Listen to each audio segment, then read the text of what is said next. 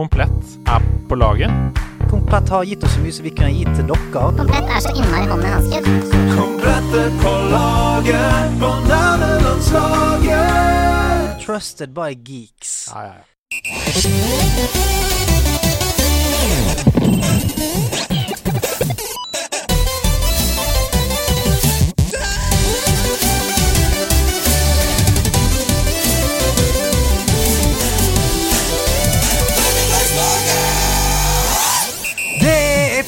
nytt år, og for et år det skal bli. I uh, nyttårskomiteen her uh, for å snakke om alt det gode som venter oss, Uh, sitter det i dag tre Vi kaller oss vise menn, men the jury's still out. Til med høyre Andreas Hedemann. Dette er ikke Norge, det er Bergen! All right, vi skal ta den litt seinere. Og rett på meg Sebastian Brynestad. God eh, aften, som vi sier da, i Oslo. God aften, ja. Ja. God aften. Ja. Eller god morgen, da. Kommer litt an på når du hører på. Ja, Få høre en gang til. Dette er ikke Norge, det er Bergen! Ja, jeg syns den, er- den er fin, jeg. Ja, og Ja. det kommer fra eh, Det kommer faktisk fra Sebastian Brynestads historie, rett og slett. Ja. Det er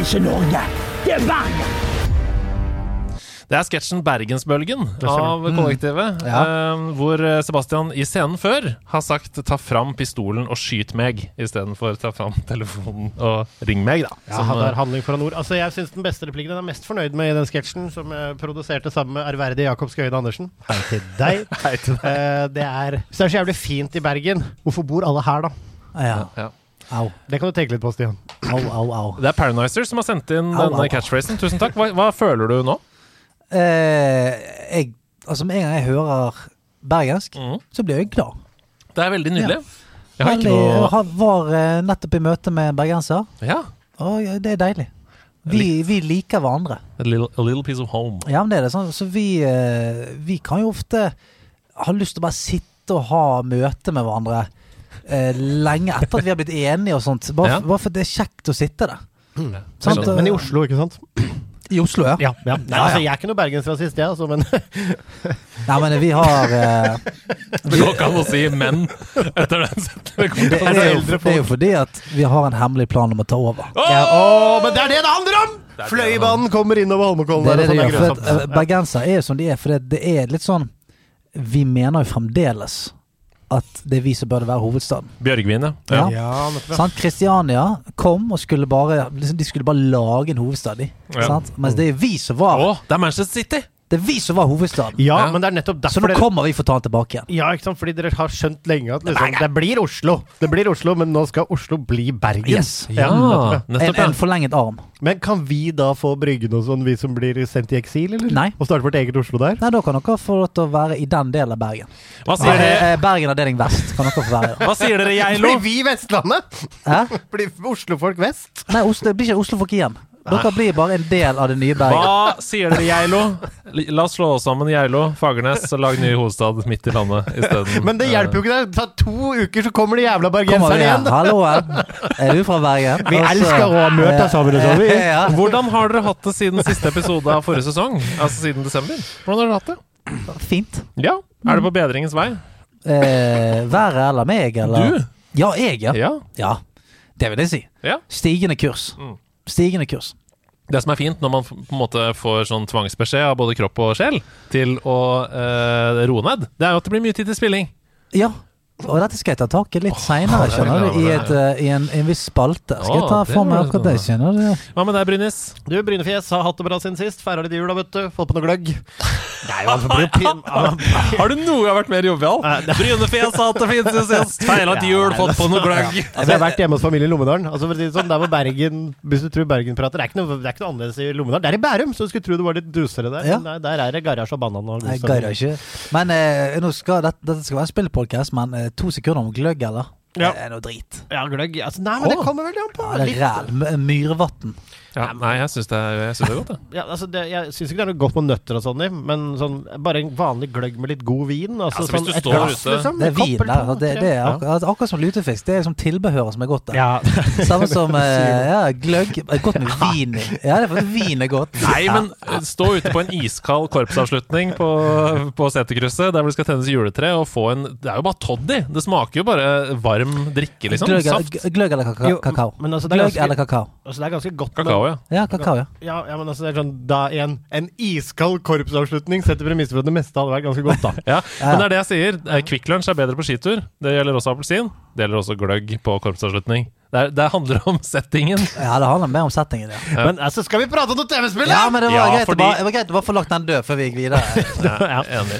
Eh, For et år det skal bli, dere. Du sa det jo innledningsvis, på alle mulige fronter. Ja. Det skal koke i alle kanaler og i bøtter og det som er. Um, og det blir nerdelandslaget-treff. Her på House of Nerds, hvor vi sitter nå, lørdag 28. januar. Siste lørdag i måneden. Kom fra alle landets kriker og kroker ned og møt venner og uh, folk som ikke enda har blitt venner. Mm. Og bli venner med dem. Fark kommer fra Trondheim for å henge, lage litt uh, god stemning. Så gjør sikkert en will it, will it, will it. Det er veldig bra at vi timet den akkurat med den helgen jeg skal vekk. da det var, Nei! jeg si det. Jo, Nei! jeg har bursdag den helgen. Oh! Men da feirer vi deg her på Hasen Nerds. Ja. Um, men det kommer folk fra fjern og nær. Tipper Sebastian stiger innom, kanskje. Jeg skal i hvert fall være her. Mm. Uh, Camilla er her, Fark er her, osv. osv. Ja, og så tipper jeg at hele nederlandslagavdeling Bergen De er i Oslo allerede, så de kan du møte. Kommer noen av våre American fans. Det kan hende. Yeah. Hi guys, the national team of nerds. Are uh, assembling here at House of Nerds at uh, Mm, 28th of January. Altså, når, det var sånn, når vi fikk statistikken for podkasten, var det ikke et eller annet sånn rart land som fulgte oss? Jo da, og det er ikke bare et rart land Det er ikke bare ett rart land som fører oss. Altså Det er jo folk i Liechtenstein hører på nederlandslaget, folk i Afrika hører på nederlandslaget, nærmere bestemt Sudan. Ja. uh, Sør-Afrika. Der har vi nederlandslaglyttere. Japan. Så det er veldig gøy. Men, det er nok ja, og, og, og Japan med Kina, da? Er de med? sannsynligvis utvandrede nordmenn, tror jeg. Jeg Ja, tror er usikker. Trenger vi, jeg tror jeg, føler vi må- må få Kina med på laget. Hvorfor Kina på laget? Kina er på laget. Kina har gitt oss så mye som vi kan gi bort. Kina er så utrolig hånd i De hanske. har jo Kina har gitt oss mye som vi kan gi bort til dere. Ja, ja, Hvis du ser på Made in China. Ja, på, nå, skal ja. ikke, nå, skal ikke, nå skal ikke spoile noe her, men det lukter jo Det er en kinesisk vår på gang. Altså de, de, de, de rasler med sablene der borte. Ja da, vi skal også nevne Så det, er- faktisk digg om det er på laget. det er kjempegreit om det er på laget. Ja, legger inn tench hø, som jeg pleier å si. Vær så snill, som det betyr. Vær på laget Kina. Vi skal også nevne at uh, nerdelandslaget i disse dager kårer Game of the Year inne på Discord, altså blant communityet. Eh, avstemningen den er åpen til onsdag klokka 10, altså 22.00 den uka her. Så eh, når, hvis du hører episoden på onsdag når den kommer ut, så skynd deg inn og stem på det du mener er Game of the Year, så kan du være med å påvirke. Vær med å påvirke, men alle vet at Elden Ring Ja, men det var litt teit. Er, det noe- er det noe annet enn Elden Ring som er um, Contenders? Nei, det er bare det. Du kan, trykke på Elden, du kan gå inn og trykke på Elden Ring. Det er masse contenders. Gå inn der og finn eh, ditt andreplassen? spill. Jeg, jeg, jeg vet bare at nå er, det liksom, nå er den innledende runden over. Så nå er det sånn 15 stykker i neste runde. Okay. Mm, så det er mange, mange spill på lista. Det har vært et Ja, ja. kjempebra spillår. Ja. Eh, spørsmålet er vel kan 2023 topper 2022? Det er det Det vet vi ikke ennå. Jeg har troen. Vi kan ikke begynne helt enda, fordi vi skriver jo 2023, men ingenting har forandra seg komplett. .no er fortsatt på laget! Er på laget! Tenk på det! Så mange deilige år sammen med Komplett. Det betyr at vi skal fortsette å gi dere gode tips om produkter som det er lurt å gå for i løpet av måneden. Fordi de er så billige som de aldri har vært i noen butikk før. eh, Og fordi vi personlig da kan gå gode for at de er blant de beste i sin klasse. Og først ut så er det noe jeg har nevnt liksom på en måte tidligere, som kan være lurt å kline til på nå. Kabler. For i januar så har Komplett nå tre for to på de aller fleste kabler, uavhengig av hvilken kategori det ligger i. Så du kan mikse da mellom de forskjellige. Nå som TV-er har begynt å leveres med HDMI 2.1, eh, så er jo det den eneste måten å få 60 frames i sekundet på, eller helt opp til 120, fra spillkonsoll, det er å kjøpe en HDMI 2.1-kabel. Og for de som har liksom gamle HDMI-kabler liggende, så er det sannsynligvis ikke 2.1-kabel. Det holder ikke med det. Nope. Så jeg foreslår at du eh, kjøper deg disse tre kablene nå denne måneden. Det er bare mitt forslag, da. Mm. Et stykk HDMI 2.1-kabel for å oppgradere bildet. Eh, en strømpaddekabel med plass til mange støpsler ja, ja, Og en ny nettverkskabel i stedet for å spille på wifi. Og det er det jeg har sagt før. Det er en helt annen opplevelse. Du laster ned raskere, det er, blir aldri brudd uh, osv. Så, videre. så spill med kabel. Uh, det er tre for to. Eller bare miks blant de kablene som du trenger. Hvis du trenger høyttalerkabler, f.eks., så ligger det der også. Hva er det, hva er det Cat? Er det Cat det heter? Uh, Cat? Cat 9? Catney. Cat 9? Er det noe? Nettverk? Ja, ja, ja. Kat, Jeg, jeg er ikke så nerd på de tingene. Nei, det er sant. men Du må, du må, Men- dess høyere jo bedre. Men- Cat 15! Ja, for kabler kan være veldig dyrt. Så når det er tre for to, så finn tre dritdyre kabler. Ja, så får du med det eh, høyeste catten på. Cat, altså, det, det det er en kjempedeal. Men apropos HDMI 2.1 eh, og kvalitet, Ja. eh, fordi det jeg har sett meg ut, nemlig, eh, det er verdens beste gaming-TV. Ja. Verdens beste gaming-TV. Den jeg personlig har hjemme hos meg selv. Og det vi snakker her, er en 65 tommer LG C2. Den er så vill. Ja, nå kan jeg se på dere at det går Begge dere får et gufs, for begge vet at dette er, dette er kvalitet. Ja, ja, Eh, Et gufs av kvalitet. Al- Altså et gufs av kvalitet. Altså Jeg sitter ikke her og finner på. Dette er en fantastisk gaming-TV, og den er faktisk kåret til årets beste TV av lyd og bilde, uansett kategori, i 2022 og 2023. Den er grei. Altså, da er det jo verdens beste. Altså, Ja, ja, ja, det er ikke den kødd! er kåra til årets Altså, Altså, men, men hør på det her. Den er en- altså, nå ett millisekund input lag, støtter G-Sync og FreeSync Ultimate i 120 FPS. Har det beste bildet som er på markedet. Altså, det er et premium, premiumprodukt på absolutt alle mulige måter. Og det finnes, ingen, det finnes altså ingen måte som er billigere å skaffe seg denne TV-en på enn nå. For nå får du 65-tommeren på komplett.no. Den er satt ned 9000 kroner. Fra 26.900 til 17.990. Ja, altså det er, det er et premieprodukt, da. For det er jo mye penger. Altså, det er nesten 30 000 til klik- Det 18 klikker for la, lagersjefen. Her har du TV i mange år. Ja, Altså, det ja, det er dyrt, men det er altså fremragende på gaming. Og Ja. en 65-tommer av den kvaliteten er til 17 000, eller snaue Ja, ja, 18 000. ja. Det er billig. Ja, og Camilla og jeg har også kjøpt den Ja i januar. Ja vel. Eh, I 55-tommer, da. Eh, og den er satt ned med 6000, fra 1890 til 12990. Og 12990, det er veldig billig! Da Ja. begynner vi å snakke veldig billig for, eh, for liksom premiumprodukt. da Verdens beste 55-tommer. De som har hørt på nederlandslaget en stund, de vet jo nå at jeg ofte sier sånn Jeg har nettopp kjøpt den. Og det stemmer. Jeg har bytta ut alle tre TV-ene i husholdningen fra komplett.no og månedens gamingdeal. Det er der jeg har funnet TV-ene. Og så må jeg bare få liksom disclaima det. Vi har ikke noe mer rabatt enn dere. Nei, Vi nei, nei. kjøper de TV-ene til den samme prisen, fordi det er veldig bra Ja, pris. jeg, jeg er den eneste som kjøper det dyrere, faktisk. Men ikke nå. Ikke Nei, nå jeg er litt, litt treig ut på de tilbudene. Da, men du må jeg- høre på Måtens gaming, Stian! Ja, du må det! Ja, men altså 65-tommer, eh, det er en størrelse du vil ha. Jeg vet at du gikk for en litt liten, lite, liten pysedel. Den er selvfølgelig 55-tommer. Ja, den er nydelig. Det er faen meg lomme. Ja, en bitte liten puny. Altså, det er sånn jeg føler du er på kjøkkenet på hytta. Men seriøst, den 55-tommeren til 12990 Hvis du vurderer en 55-tommer Det er ikke noe vits å kjøpe noe til 9000, fordi dette er en TV du kan ha i ti år, og den kommer til å være helt magisk. eh, 100 Jeg kjøpte, altså, jeg kjøpte 15-tommeren. jeg. Ja. Satt ned fra 700 til 83 kroner. Århundrets gaming-nish. Du, men, eh, Hva er det du har valgt ut? eh, Kan jeg få gi vinner? Ja. Eh, I en litt annen sfære, men jeg er jo eh, Jeg føler meg litt sånn som eh, en old papasan som eh, prøver å få eh, den neste, neste generasjon til å ta over.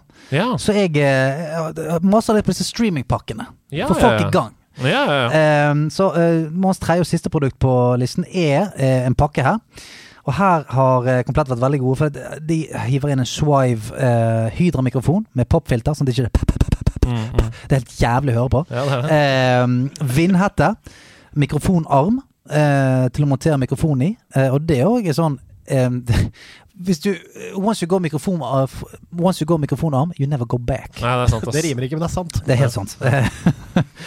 eh, og så eh, Swive Nebula green screen. Ja, ikke sant. Eh, som kommer opp i en pop-up-koffert. Og det er greien eh, altså Det er rett og slett det er en ganske anonym svart case. Mm. Men når du drar den opp, så har du en fullverdig green screen som du kan bruke til eh, streaming. Det vil si at hvis du ser ræva ut på rommet ditt, og du er ikke keen på å liksom lyssette hele rommet og, og, og dekorere det med 500 popfigurer og sånt, sleng opp en green screen. Mm. Enten fjern hele bakgrunnen, eller uh, lag noe annet på den. Og det, og det bare å flikke den rett opp. Så, For da blir det jo også større plass i gameplay-bildet. For du kan bare ha omriss av deg sjøl, istedenfor den firkanten rundt inne på streamingen. Og ikke minst så kan du være kongen av videomøtet videomøte Ja, med morsomme bakgrunner. Visst kan du det. Visst kan du det.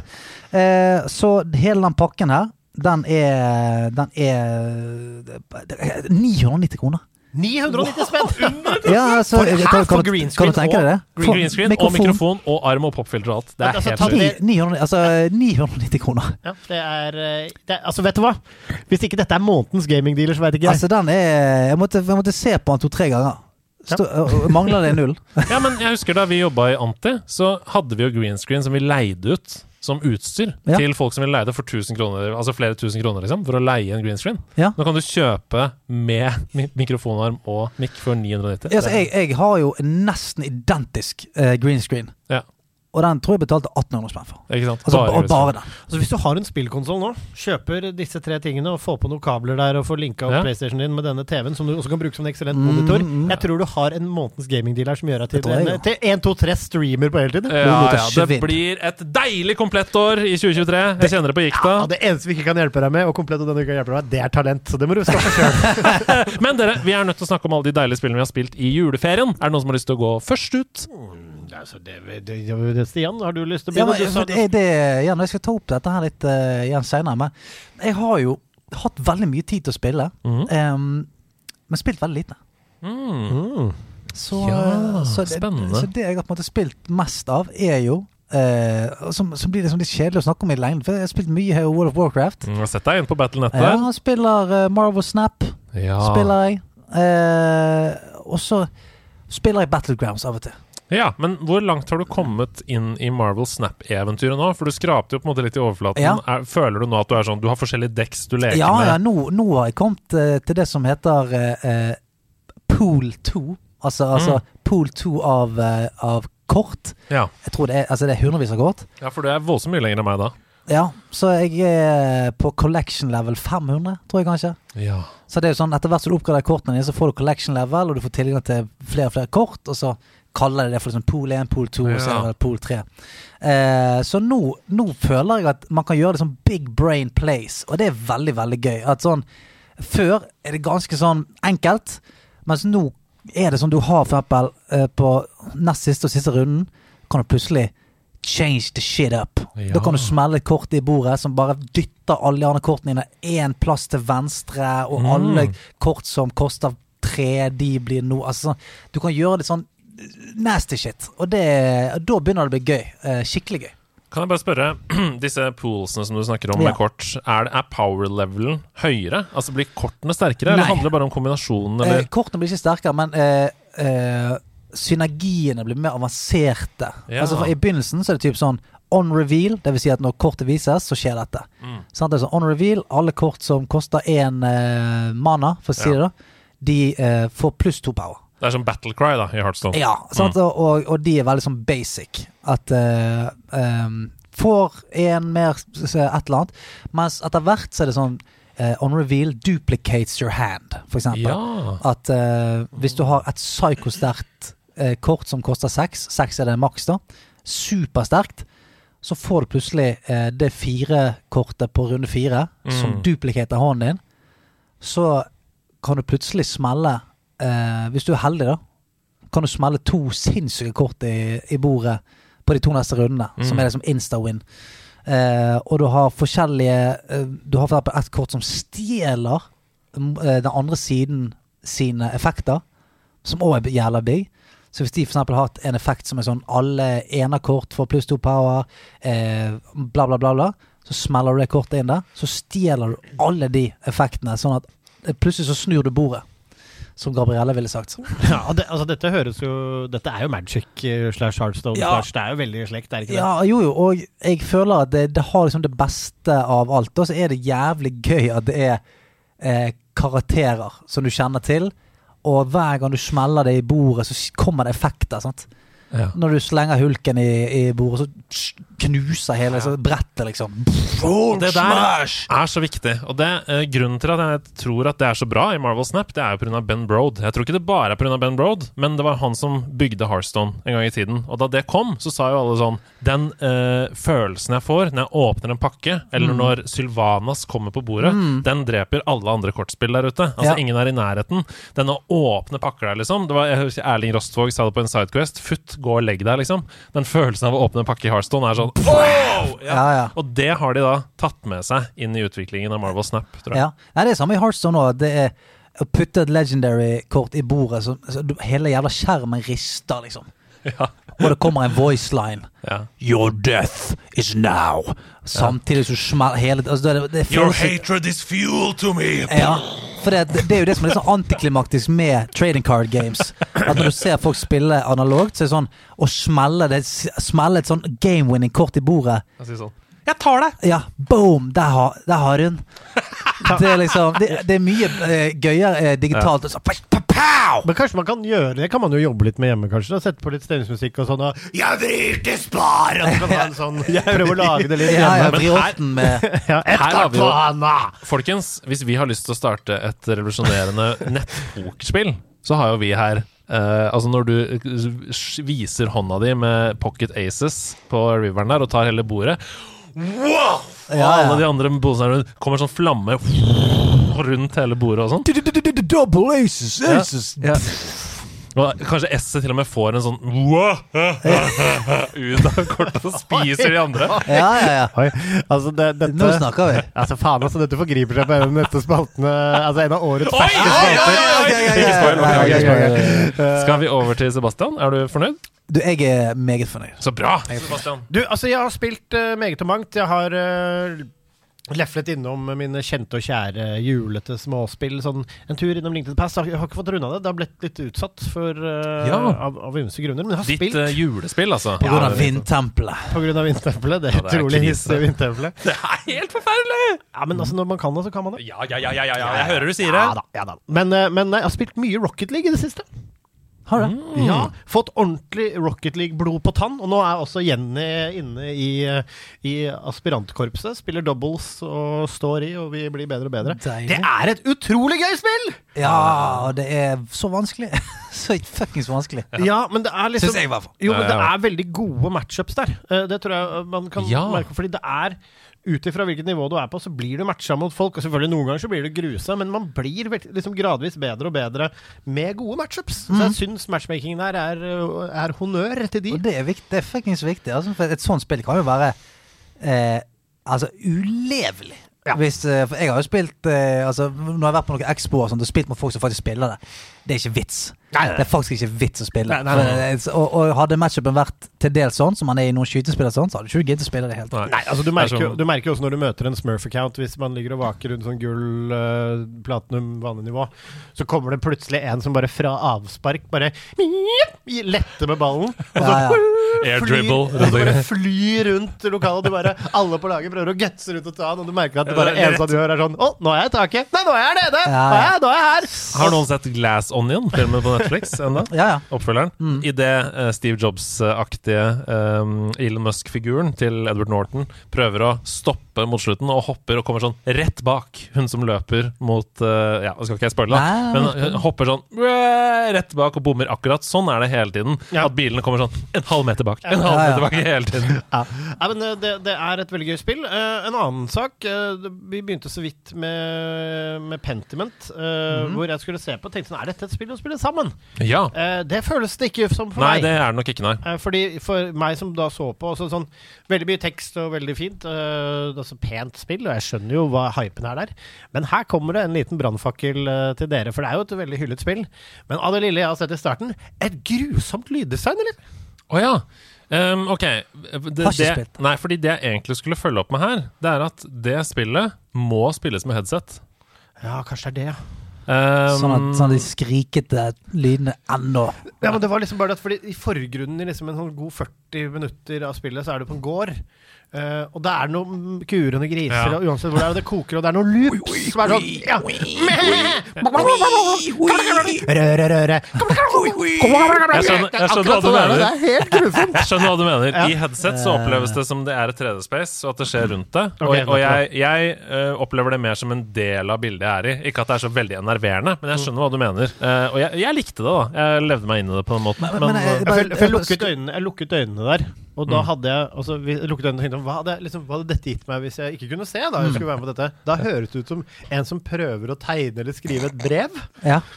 Sånn midt i liksom en, en grisebinge med masse geiter og høner, Ja. er det det føles ut som de første Ja, ja. 40 minuttene. Så jeg fikk litt vondt i hodet av det. Men, men når du sier å spille det med, med to, det kan jeg se for meg. For det, det blir litt sånn som å lese en bok to stykker samtidig.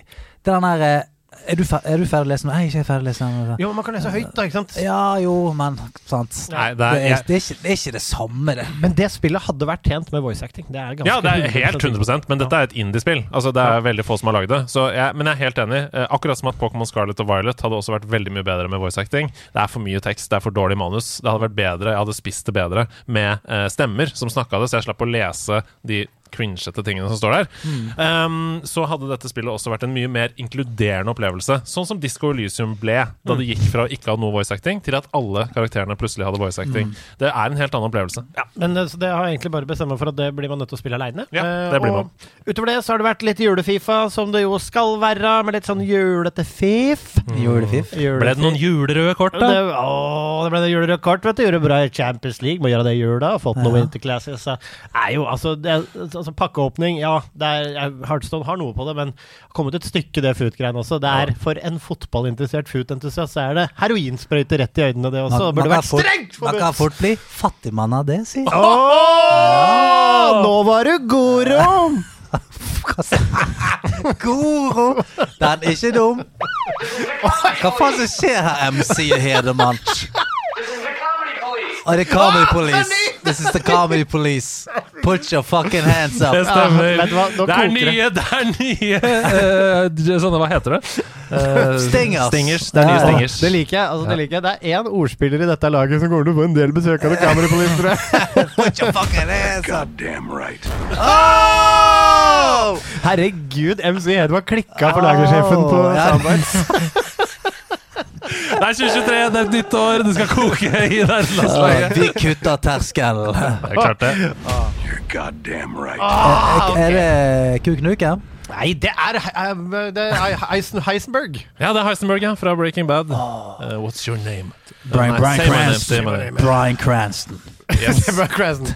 Det er helt riktig. Tusen takk til. Fark Tusen takk til Fark som har stått på i hele juleferien og lagd stingers til Syv, syv slag med stingers. Ja, det er helt riktig. Det er helt riktig. Men vet du hva? Da er det, da er det vel din tur? Da, Ja, det er min tur, ja. Da bowler jeg gamingballen bort til deg, som jeg regner med har spilt meget. Ja, for han startet jo med å si sånn Jeg har spilt så jævlig mye. Jeg har det. Jeg har rett og slett spilt så mye at jeg måtte velge ut noen spill. Fy flate. For en drøm. Ja, det er en drøm. Ja, Det er en drøm for meg. Og det første jeg har lyst til å snakke om, er Shadow of Mordor. Ja gode gamle. Det gode, gamle Loter-spillet. Fordi jeg har bare så vidt snust borti Shadow Mordor og War-spillene før. Du har jo hatt de med i fem spill du ikke bør gå glipp av i Sidequest, Sebastian. Sebastian. Ja. Men tror du ikke begge er inkludert i PlayStation Plus? da? Tror det. Når du Jo. ser på den måten, så tror jeg det. Det gjør det.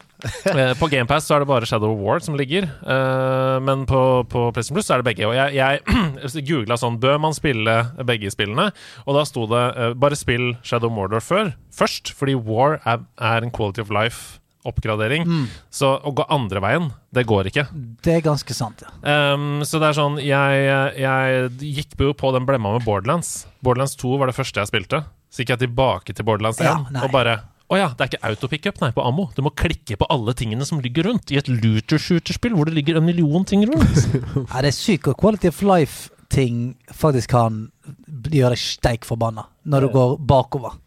100% Ja, så Derfor så begynte jeg på Shadow of Mordor, og jeg elsker jo det Loter-universet som om det var min egen sønn. Um, jula mener jeg jo er skapt for å se extended-filmene. Uh, grave seg ned i sofaen der, ha en uh, pose med cheese balls oh, og se Med sour cream. ja, Riktig. Det hvite. juleballene. White balls. Uh, og se White balls! For- Da kommer de med en gang. Comedy, Poli- Police dukker opp med en gang. Det kommer til å bli veldig sur stemning pga. den. For den, den fjerner rettighetene man har til å fortelle f.eks. juleballervitser. da. Nei, men uh, um, Så da jeg hadde gjort det, da jeg var ferdig med å se Return of the King og sett at den filmen slutter både seks og sju ganger før den faktisk slutter, uh, for det gjør den jo, uh, så var jeg klar for mer Loter-univers-eventyr. Og det er noe forfriskende, syns jeg, med et spill som kun handler om Mordor. Mm. Fordi det er jo uh, det stedet man egentlig ikke vil være. Jævla traust. Ja! Gjerne traust. I utgangspunktet så er det liksom sånn I filmene og sånn så føles det, og også som det er beskrevet i bøkene, så føles det helt likt overalt. Goldt landskap. Eh, bare liksom det flamme Mount Doom, og så resten er svart og grått, liksom. Men jeg syns i Shadow of Mordor at de har greid å skape variasjon. Og ikke minst, Shades of Grey. ja. Ja. og ikke minst at uh, det er jo 100% lisensiert. Sånn at jeg syns at karakterene høres ut som uh, Loter-karakterer. Du har Gollum der. Du har liksom følelsen av Mordor. Orkene høres ut som, de høres ut i Peter Jackson sine filmer. Og det er veldig digg. Det ble en sømløs overgang der. Og så er det jo dritgøy gameplay, da. Er jo det. Ja, for nå vi jeg blander alltid, men du spiller det første nå, ikke Ja. sant? Og da Fordi det er to Ja, vesentlige ja, ja. Mm. ja, og da ble jeg veldig sånn um, Kom dette før eller etter Breath of the Wild? For Før. den- Før. Ja, for det å klatre opp i tårn Ja. som du skal skanne for å åpne et nytt område på mappet. ja, men det er jo as old as time. Ja, Hva er for Assassin's Creed igjen, mann? ja, ja det er sant, det, altså. Ja, ja. Jeg bare følte at det var så veldig Men det er distinkte tårn, sånn spesifikke tårn. Ja. Sånne tittei, men ja, Ja, ja, men så, det, ja, det er jo ja, da, Å komme seg på høyden høyden og se seg rundt er på en måte en gammel triks. Den har vært rundt lenge. ja, det er, sånn er det, Andreas. Ja, ja. Ja. For å få the lay of the land, så må du litt over skog, uh, skogtoppen. altså. Det er sant. Altså, tenk deg de som fant opp altså, Det er litt sånn rart Fant opp å kikke langt. Ja, gå, gå opp i toppen og se liksom, og, og tegne ned hvordan det ser ut rundt seg. Ja. Nei, fy faen. Det var, det var, var vel Shadow Alle, som først. ja, alle andre i gjengen sto bare sånn Jeg ser ingenting, jeg. Jeg, Altså, vi har ikke jeg, kommer, jeg kommer til å ta fra deg det brettet. Vi har ikke noe kart, vi har ingenting. Altså, vi bare går i blinde og hvis jeg skal til deg og sånn. Hva om vi går opp i høyden? Hva Ja. mener du nå? Nei, jeg spilte et spill som het Shadow. Ja. Så hvis du går opp der, så kan du faktisk se da litt sånn hvor du skal. Ja. Hva om vi tegner ned på et slags papir? ikke jeg, jeg tror faktisk det var Firewatch som gjorde det først. Jeg tror ikke det var Shadow of uh, Mordor. Firewatch! Jeg bare syns det er gøy å si at spillet som er basert på faktisk det å være oppe i et tårn ja. og se langt. Eh, nei, men ok, Shadow of Mordor. Det Mm, er mange måter å drepe fiender på. Det er kjempegøy. Eh, du kan spille det stealthy. Du kan spille det etter hvert som du mestrer gameplay-systemet og de forskjellige eh, på en måte magiske evnene. For dette er jo en halvdød person som kan på en måte hoppe ut og inn av den der Wrath-formen. Da. Mm. Eh, så blir det veldig dynamisk og kult eh, gameplay. Så jeg koste meg med det. Og det er, det er, Nemesis-systemet er jævlig gøy. Det er det. Ja. Det er brukt for lite, nesten. syns jeg. Men det er altså det nummer to. Hvis du tenker at du kanskje skal spille en av de, Ja. så går det an å se en recap på eneren, som er Ja. litt datert, bitte litt, syns jeg. Ja, ja. Men det er et veldig bra spill. Men nummer to er et veldig, veldig bra spill. Også Ja, utrolig omfattende. Mm. At det burde du Altså, man burde nesten bare se en recap, vil jeg si. Med mindre du er blodfan For, for de er såpass like i feeling, så jeg er helt, helt enig. Og variasjonen i nummer to er også mye finere, for der kommer du til litt grønne områder. Er litt Tusen takk for tipset. Da gjør jeg bare det. Ja, Se men, en recap og ja, begynne på War. ja. Perfekt. Det Jeg tror, dere, tror du kan bli litt mett på goldt landskap eh, i løpet av ene, 40 timer med eneren før du kommer til toeren.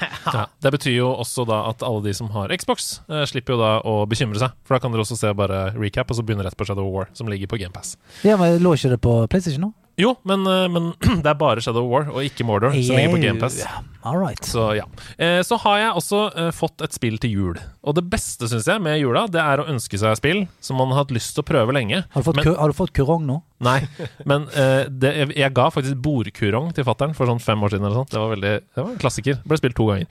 Men, uh, Altfor mye, faktisk. Spilt altfor mye. men, men det beste er å ønske seg spill som du har hatt lyst på, men ikke nok lyst på til at du kjøper det de full pris. Hvis du Ja. jeg mener. Mm. Og ofte så er det Nintendo-spill, for de går jo ikke ned i pris heller. Eh, de koster 700, de, selv om det er Donkey Kong Country Tropical Freeze. Det koster fortsatt 700 til Wii U, eh, på en måte. Så Det er det eh, faen meg ærlig verdt, altså. Ja, det er det. Et nydelig spill. Men jeg ønska meg Luigi's Mansion 3 Ja. Ja! til jul. Eh, det kom vel i 2019 eller noe sånt? 2019. Jeg har ikke spilt det før, og har kost meg så mye med det spillet. Fy søren, så gøy det er. Det er dritgøy! Nei, det er, er, det- men er det, det, er, det er gluggekos, liksom? Ja, det er skikkelig gluggekos. Du er uh, selvfølgelig blir Luigi ikke litt der. redd, da. Nei, Hæ? Nei, Jo, det er ikke skummelt. Ikke tøft, Andreas. Ikke kjekt. Luigi's Mansion 3 er ikke skummelt. Ikke kjekt, da. Er, du er blant venner nå, Andreas. Ja. Har du spilt det bare når Camilla kunne ja. være med? Nei, men spøkelsene er jo aller egentlig eh, for det aller meste redd for deg. Det er jo ikke omvendt. Så Ja, men Det er spøkelser. det er, sånn, Andreas. det er sånn jeg sier til Noella. sånn, Edderkoppen er mest redd deg. Hun, hun driter i det. Hun er livredd. ja. Nei, jeg syns ikke det er skummelt. Jeg syns Ja, det er koselig og gøy eh, og spennende. Jeg ser nå at du liksom altså, For de som ikke ser på livestreamen nå altså, du, du, Når du snakker om Luigi så gnir du deg litt sånn nervøst Ja, jeg blir litt sånn Har du rundet det, eller har du måttet ta Nei. en pause for å puste? Nei, jeg har ikke runda det, men det er ikke fordi jeg ble redd. Det er fordi jeg har variert uh, min spilling gjennom julen. Uh, men jeg kommer til å runde det, for jeg syns det er kjempegøy. Og det er også et veldig givende progresjonssystem.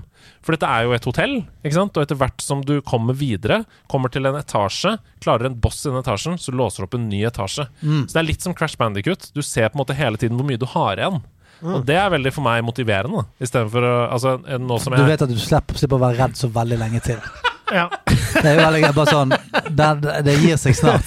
Dette er en del Andreas har med terapeuten sin. Det er eksponering nå, som han skal igjennom. Og jeg syns vi skal støtte Andreas i discorden Ja. nå. Og kanskje liksom også lage en gruppe som støtter Andreas igjennom, så han Ja. kommer seg på gjennom alle etasjene. Men hvis dere har lyst til å spille et Nintendo-spill der hvor for en gangs skyld Luigi er helten, Ja. eh, og alle de andre vennene, Mario, er fanget inne i et bilde Du må redde han. Eh, Toad er der, uh, alle de andre. Og du kan bruke denne superhøyteknologiske støvsugeren til å gjøre masse artige ting. Så, så burde du gjøre det. Jeg syns det er Er det det du liker best med spill, egentlig? Støvsugerdelen? Jeg liker gameplayingen best. Ok. Det er alt du liker! Husarbeidssimulator! Spøkelser som er redd for deg isteden. Kan det bli bedre? Skjønner du? Dette, dette spillet er en klem for meg. Ja, det er egentlig det. Er det, det er det. Og så, for de som har hørt på nederlandslaget siden starten, så vet dere at jeg er glad i minigolfspill. Det er Ja. Det er du. Helt siden uh, Nordseter ungdomsskole, Flash-minigolfspillene, som uh, mang, en, mang et storefri, og også noen kjedelige norsktimer. Men du har spilt jævla mye rare golfspill i det siste. Ja. Forrige gang så var det en eller annen golfhistorie. Golf ja. Golfstory. Ja, det er nydelig. Det ligger også på Apple Arcade. Uh, der har det kommet en oppfølger nå som tror jeg heter Nå må du sette på lydløs! Ja, men det på Sett på ikke forstyrr! Dra på ikke ned fra Jeg har på ikke forstyrr! Nei, det var bare Det er Stian. Det var, det var Hollywood. Det var Holly- Hollywood igjen. Um, Jo uh, Nei, jeg kan ikke spille Thor. Jeg har ikke tid til det. Nei, gud bedre. For siste gang. Jeg skal ikke spille Per Heimli i Per Heimly-biografien. Er det de du får? Å, det er fantastisk, Sebastian! Du er jo Per ja, Nei, men uh, oppfølgeren til Golf Story heter Sports Story. Det er mye mer utvida. Det ligger også nå ute. Men det, det som er bra med det spillet jeg har spilt nå, som heter Infinite Minigolf som ligger inkludert i PlayStation Plus. Det også. Som dere sikkert skjønner, så har jeg på en måte gravd i de bibliotekene der i jula. Prøvd å finne hvilke spill som jeg har lyst til å spille. For det første så er det kjempegøy å spille sammen med venner. Eh, fordi hver eneste minigolfbane, som jeg mener de beste minigolfbanene på ekte er, er et slags puzzle. Ja, det er en vei til målet. Du ser hullet der borte. Men kanskje det er en hemmelig vei. Hvis du kan trigge et eller annet kul uh, ting som skjer på banen, så kanskje du kommer deg fortere til hole in one. For. Eh, og det er det jo her, da. Så hvis du ser, du bruker litt tid på å se på banen og sånn Hm, der er det en artig støvel på en hagegnom. Hva skjer hvis jeg slår ballen min i den støvelen? Jo, da bunkes ballen min rett i mål! Ikke sant? Ah. Det er gøy. Så uh, ja, det er gøy å spille alene fordi det er en slags puzzle-greie. Men med venner enda bedre. Ja, For for mi, kan man- for alene, det er litt traust. Nei, jeg syns ikke Ja, det. det er litt traust. Jeg spiller Mario Party alene, du må huske det. Jeg syns det er gøy òg. Ja. Så det er bare å reise til Torshov-minigolfen her på en vanlig søndag. Det. Der står det en fyr med fullt utstyr Og pracker. og, og, og, pracker Ja, Pracker eh, nær, nærgame. på driving rangene. Og prøver å se etter Er det noen hagenisse her da, på Torshov som kan sparke den borti Og så for siste gang sier han ene kortvokste som jobber der, jeg er ikke noe Nei, nei, nei! nei! Andreas, det. Vi Andreas. arresterer. Vi men, arresterer. men, um, men hva kalte du det, og hvor var det man spilte? Infinite Minigolf, og det ligger da inkludert i PlayStation Plus. Jeg syns det er et bra partyspill. Uh, som du kan spille sammen med familie. Nå er jo uh, juleferien over, men uh, påskeferien kommer stept, Så det er bare å gjøre seg klar. Ja, ja. Og så har jeg begynt på Jedi Fallen Order. Ja, det, det Ja, mm.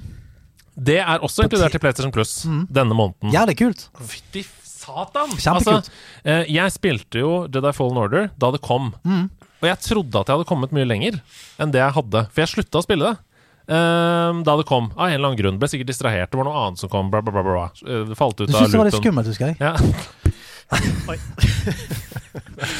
Nå er det mye mobbing her. Nei, er det det er sånn ikke- 2023 skal bli? Nei, men det er ikke mobbing, Andreas. Dette er uh, hed... Du er en hedersmann som Ja. tør å si hvor Vi bare, det er eh, ranting. Vi kødder litt. men, men, ja, men nå, nå, er, du- nå er du nå er du i gang.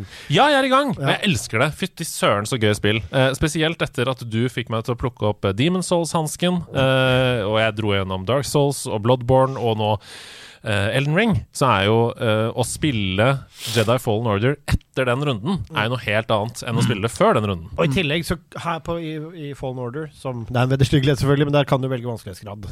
eh, Ja. og gjøre det lettere. Det eneste kaktusen jeg har til Fallen Order, for jeg tenkte litt på det her om dagen, spillet jeg koste meg stort med. Det har et veldig kult anslag. Det er masse kule verdener du kommer til. Men det er litt same.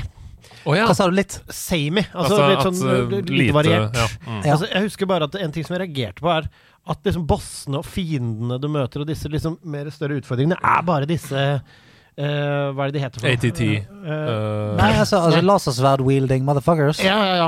Ja. De, som, altså, de ser litt like ut. ja, De har sånn, litt ja. samme konkurranse. Det er liksom den gjengen du skal drepe i de bossfightsene. Jeg bare husker at jeg på et punkt jeg var igjennom, så Masse fett. Om liksom alt du skal gjøre, skal ikke spoile noe, for det er et spill man bør, bør spille. Men jeg gleder meg veldig til neste, og håper at det er mer variert. Men jeg eh, Altså, jeg prøvde å spille gjennom noen av bossene på uh, Ikke det vanskeligste med hard, da.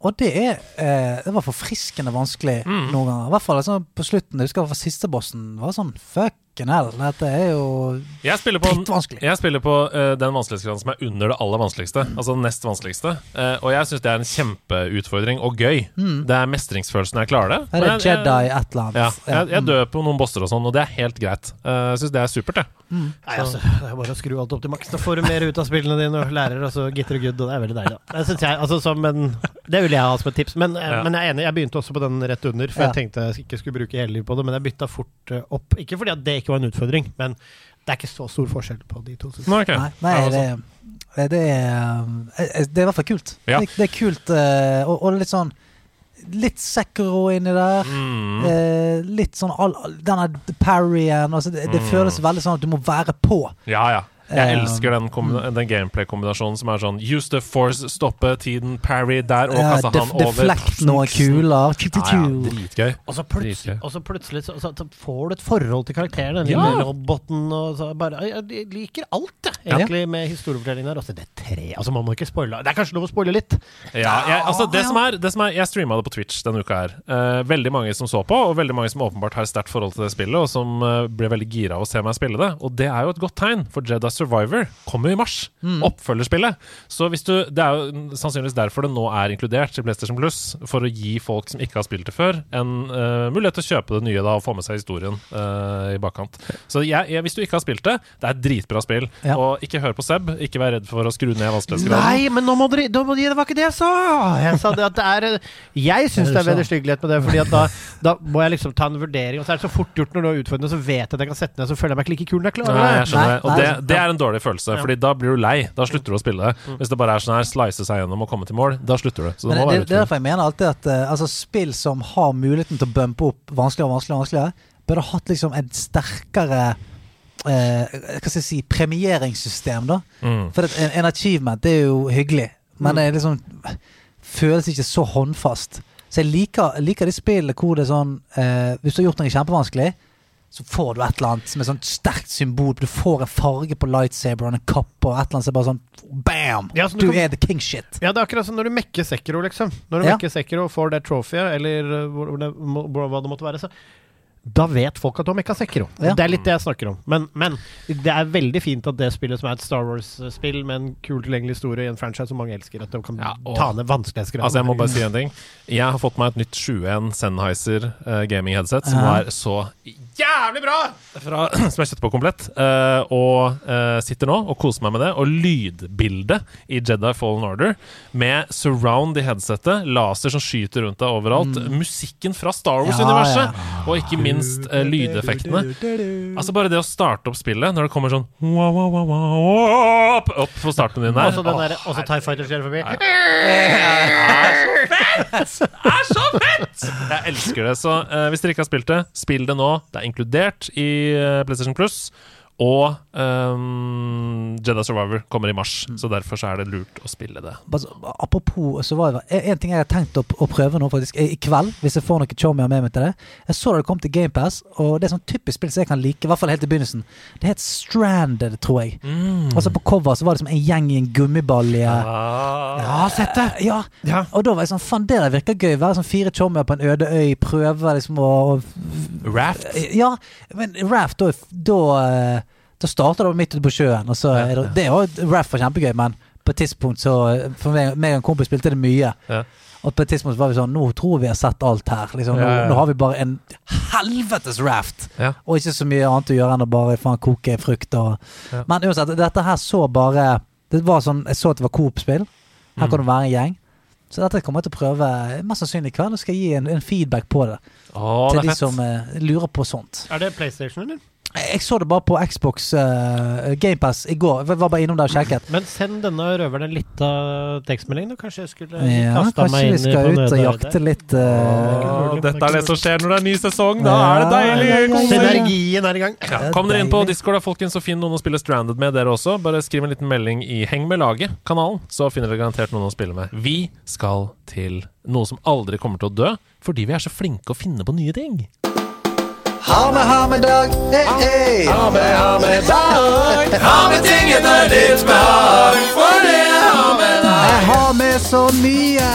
Vet ikke hva jeg skal velge? Har jeg noe du kan tygge? Har jeg noe du kan svelge? Eller har han kanskje med seg en film som han har sett?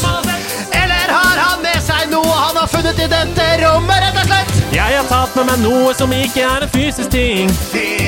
For vi har gjort noen endringer sånn som at vi kan singeling. Hva skal vi snakke om i Hamedag i år? I hvert fall ikke samme som i går, for det er Hamedag. Altså, improvisasjonen sitter. Alt rimte i dag, eller? Ja, det er klart det. det er, vi har hatt en liten pause, vet du. Vært litt borte. Vi har jo hatt vår halvårlige workshop. Og i forkant av den så er vi alltid ute og spør nederlandslaglytterne på Instagram som regel om hva de syns eh, så langt. De gir tilbakemeldinger. De kommer med sånn 'ja, det er bra, det er ikke så bra' og sånn. Og i år så kom det veldig tydelig fram at tips og anbefalinger om ting og tang, sånn som vi hadde i Gjestens beste i de første to sesongene av nederlandslaget, det er noe folk savner. Så Derfor så har vi slått sammen Gjestens beste med Ha-med-dag og utfordra det formatet litt. Så fra nå av så kan man fortsatt absolutt ha med seg en ting å vise fram. Eh, og det er ikke sånn at når vi tre programledere er her, altså når Ida, Hasse og vi Når det ikke er gjest, så kommer vi bare, sannsynligvis bare én av oss til å ha med noe. Det er ikke alle tre trenger ikke å ha med noe. Eh, men man kan ha med seg en ting å vise fram. Men man kan også ha med seg tips til noe man syns er bra. En, en matrett, en TV-serie, en film. Hva som helst i da Ha-med-dag. Så er det noen av dere som har tenkt på noe som dere har lyst til å ha med? Sebastian, du strekker hånden i været. Ja, jeg har tenkt å ha med noe som vi har snakket om. Vi trenger Ja. ikke å snakke om det lenge, men en påminnelse til folk der ute. Vi snakker jo mye om disse eh, altså GamePass eh, og PlayStation Plus som henger litt bak, men som begynner sakte, men sikkert å komme. Men en ting som jeg, etter at jeg fikk meg OLED-switch, Ja. eh, Ja. så har Switchen eh, Den har jo alltid vært en del, men den har liksom fått litt ekstra oppmerksomhet da, med nytt hardware. Okay, ja. mm. Men den er en meget behagelig sak, bedre på alle måter. Og én ting som jeg har kost meg altså så glugg med i Bite Sizes, det er abonnementstjenesten med virtual console. Ja, ja. Mm. Det er altså Super Nintendo-spill, Nintendo-spill, 64-spill, litt på noen forskjellige abonnementsløsninger. Ikke nødvendigvis så fryktelig billig, men det følger jo med da i eh, online-tilbudene Nei, online-tilbud deres og sånn. Så Mm. finn den rimeligste pakka der. Ikke svindyrt. Og det er ekstremt hvor mye kos. Der er A Link to the Past. Der kan du spille alle disse tingene som du kjenner fra disse minikonsollene som du hører om, som er litt plunder og heft, for du må sette de opp og sånn. Ja. Da har du på switchen din et galleri av premium retrogaming som du kan prøve i to sekunder, tre sekunder, og mange av de kommer også i versjoner som gjør at du kan spole i de. Ja, Så disse det det. utrolig vanskelige spillene som du egentlig må bli Ah. kjempegod i, kan du bare spole rett tilbake. Sånn, Sånn som i emulator, du kan lage save states og sånn, ikke sant? Og Ja, også spole fram og tilbake. Altså, jeg, jeg har uh, Han ene naboen min, jeg ler meg i hjel. Han har liksom stuevinduet eh, mot meg. Og han kjøpte Switch til kidsa. uh, egentlig litt til seg sjøl òg. Men nå i det siste så ser jeg at han, han på ettermiddagene så har han lyst til at liksom, de skal være med og spille litt sånn Super Mario Bros. og sånt. Hver gang jeg ser inn der, så driver ungen og leker med noe annet. Han sitter igjen. Og bare blodgamer. Eh, altså Super Mario 3. Eh, har- det er det det har gått i de siste dagene, ser jeg. Og bare hamrer litt. Vi har sånn eh, liksom, eh, Snap-gruppe for liksom, nabolag sånn. Jeg har fått eh, snap av konen som er sånn du må jo la ungene spille! Han sa ja, men de klarer jo ikke den banen her, da!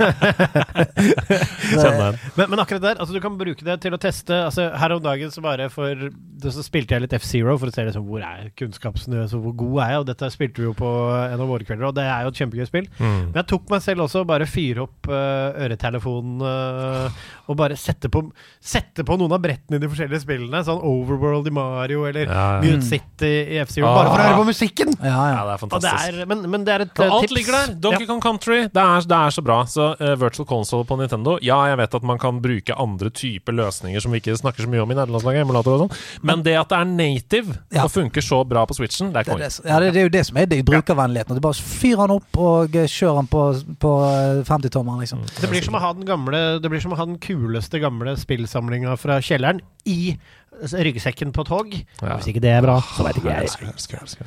Jeg har med meg um, eh, noen actionfigurer fra Overwatch. Her er det altså Ja. Mercy og Farah. Ja. Og Det var egentlig litt flaks Stian, at du har med dem, fordi jeg ser oppi hylla vår at noen har stjålet de som sto der fra før. Ja, ja. Ja. jeg vet ikke faen hvor det har blitt av, men Nei, de som, er de, som, altså de som vi fikk av Sneak, Ja. de som donerte hit til ja, Hvor er de da?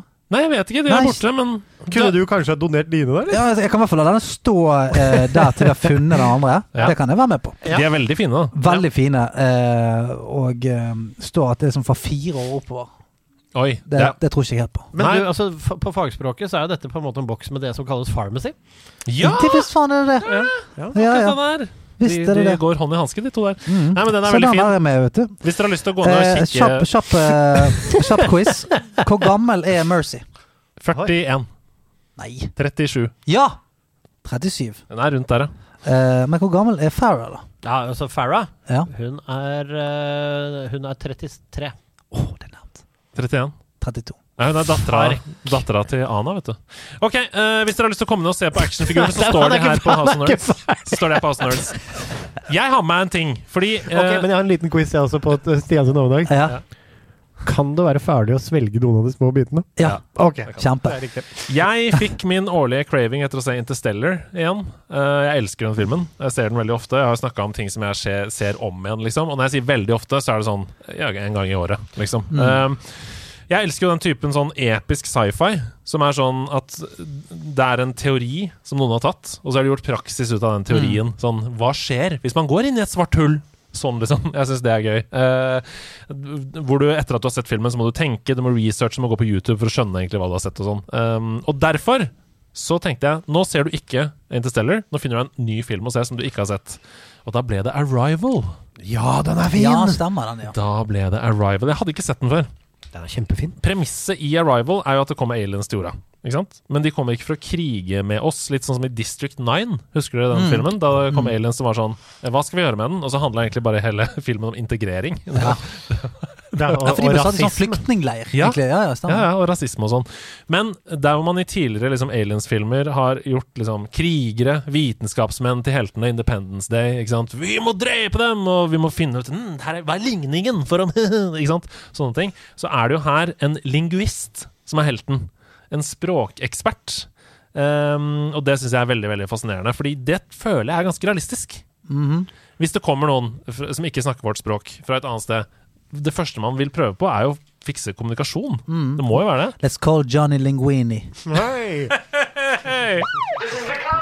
Nei, du kan ikke angå. Alle skal ikke bli anholdt. Dreper humoren. Ja, Jeg syns det er gøy. ja den sitter. Jeg synes det er gøy. Men, men, det, ja, men det er enig, men samtidig så har filmen den herlige amerikanske mm, generalen som bare Ja. Wanna nuke the shit out of those Ja. fuckers! Alltid han. Nei, men samtidig, han er ganske tålmodig, da. Altså, for Filmen handler jo om uh, det å finne et felles språk ikke sant? med romvesenet, sånn at menneskeheten som helhet skjønner hva det er de vil. Hvorfor kommer de hit? Hvorfor bare hovler hovrer de over tolv steder i, i verden? Hva er det de vil? Uh, og den derre balansen med usikkerhet mellom sånn USA og Kina som føler på hverandre. Kommer noen til å angripe her? Er det, har de skjønt noe som ikke vi har skjønt? Som jeg opplever er ganske sånn realistisk. Og den enorme, liksom supersmarte twisten når man forstår premisset her, den syns jeg er ganske konge. Men Stemmer, jeg begynner å huske mer og mer. For det, det er der uh, den lingvisten snakker med en entity gjennom sånn stor glassvegg. ja. De Ja. de er gigantiske, og så Stemmer. kommer l- i sånne blikksirkler med Mm. symboler. Ja, så ja, kommer tegner de ut, så må de hele tiden prøve å tolke hva det er. Mm. Ja, altså, jeg syns filmen er kjempebra. ja, den, er, den var virkelig utrolig bra. Og det som er også eh, Du blir sprengt i hjernen av den av å se på den. Så du må jo du må google etterpå. Du skjønner nok sånn åtte tideler, men så er det noen detaljer som er sånn Hvordan kunne det egentlig gå? Og når du da googler, og de faller på plass, da får du sånn Ja! Og det er den beste følelsen, syns jeg. Så det var Arrival. Ja. eh, mitt eh, tips som jeg ville ha med i Hammedag. Hva syns dere om denne nye twisten for Hammedag? Jeg tror mye er ordnet der, og jeg liker at selv med den nye twisten hvor det kan komme noe, så kjører Stian en utrolig bratt nødløsning fordi han har glemt det. Så jeg liker at vi har det nye, men at vi også har det gamle. Jeg kjører en twist i twisten.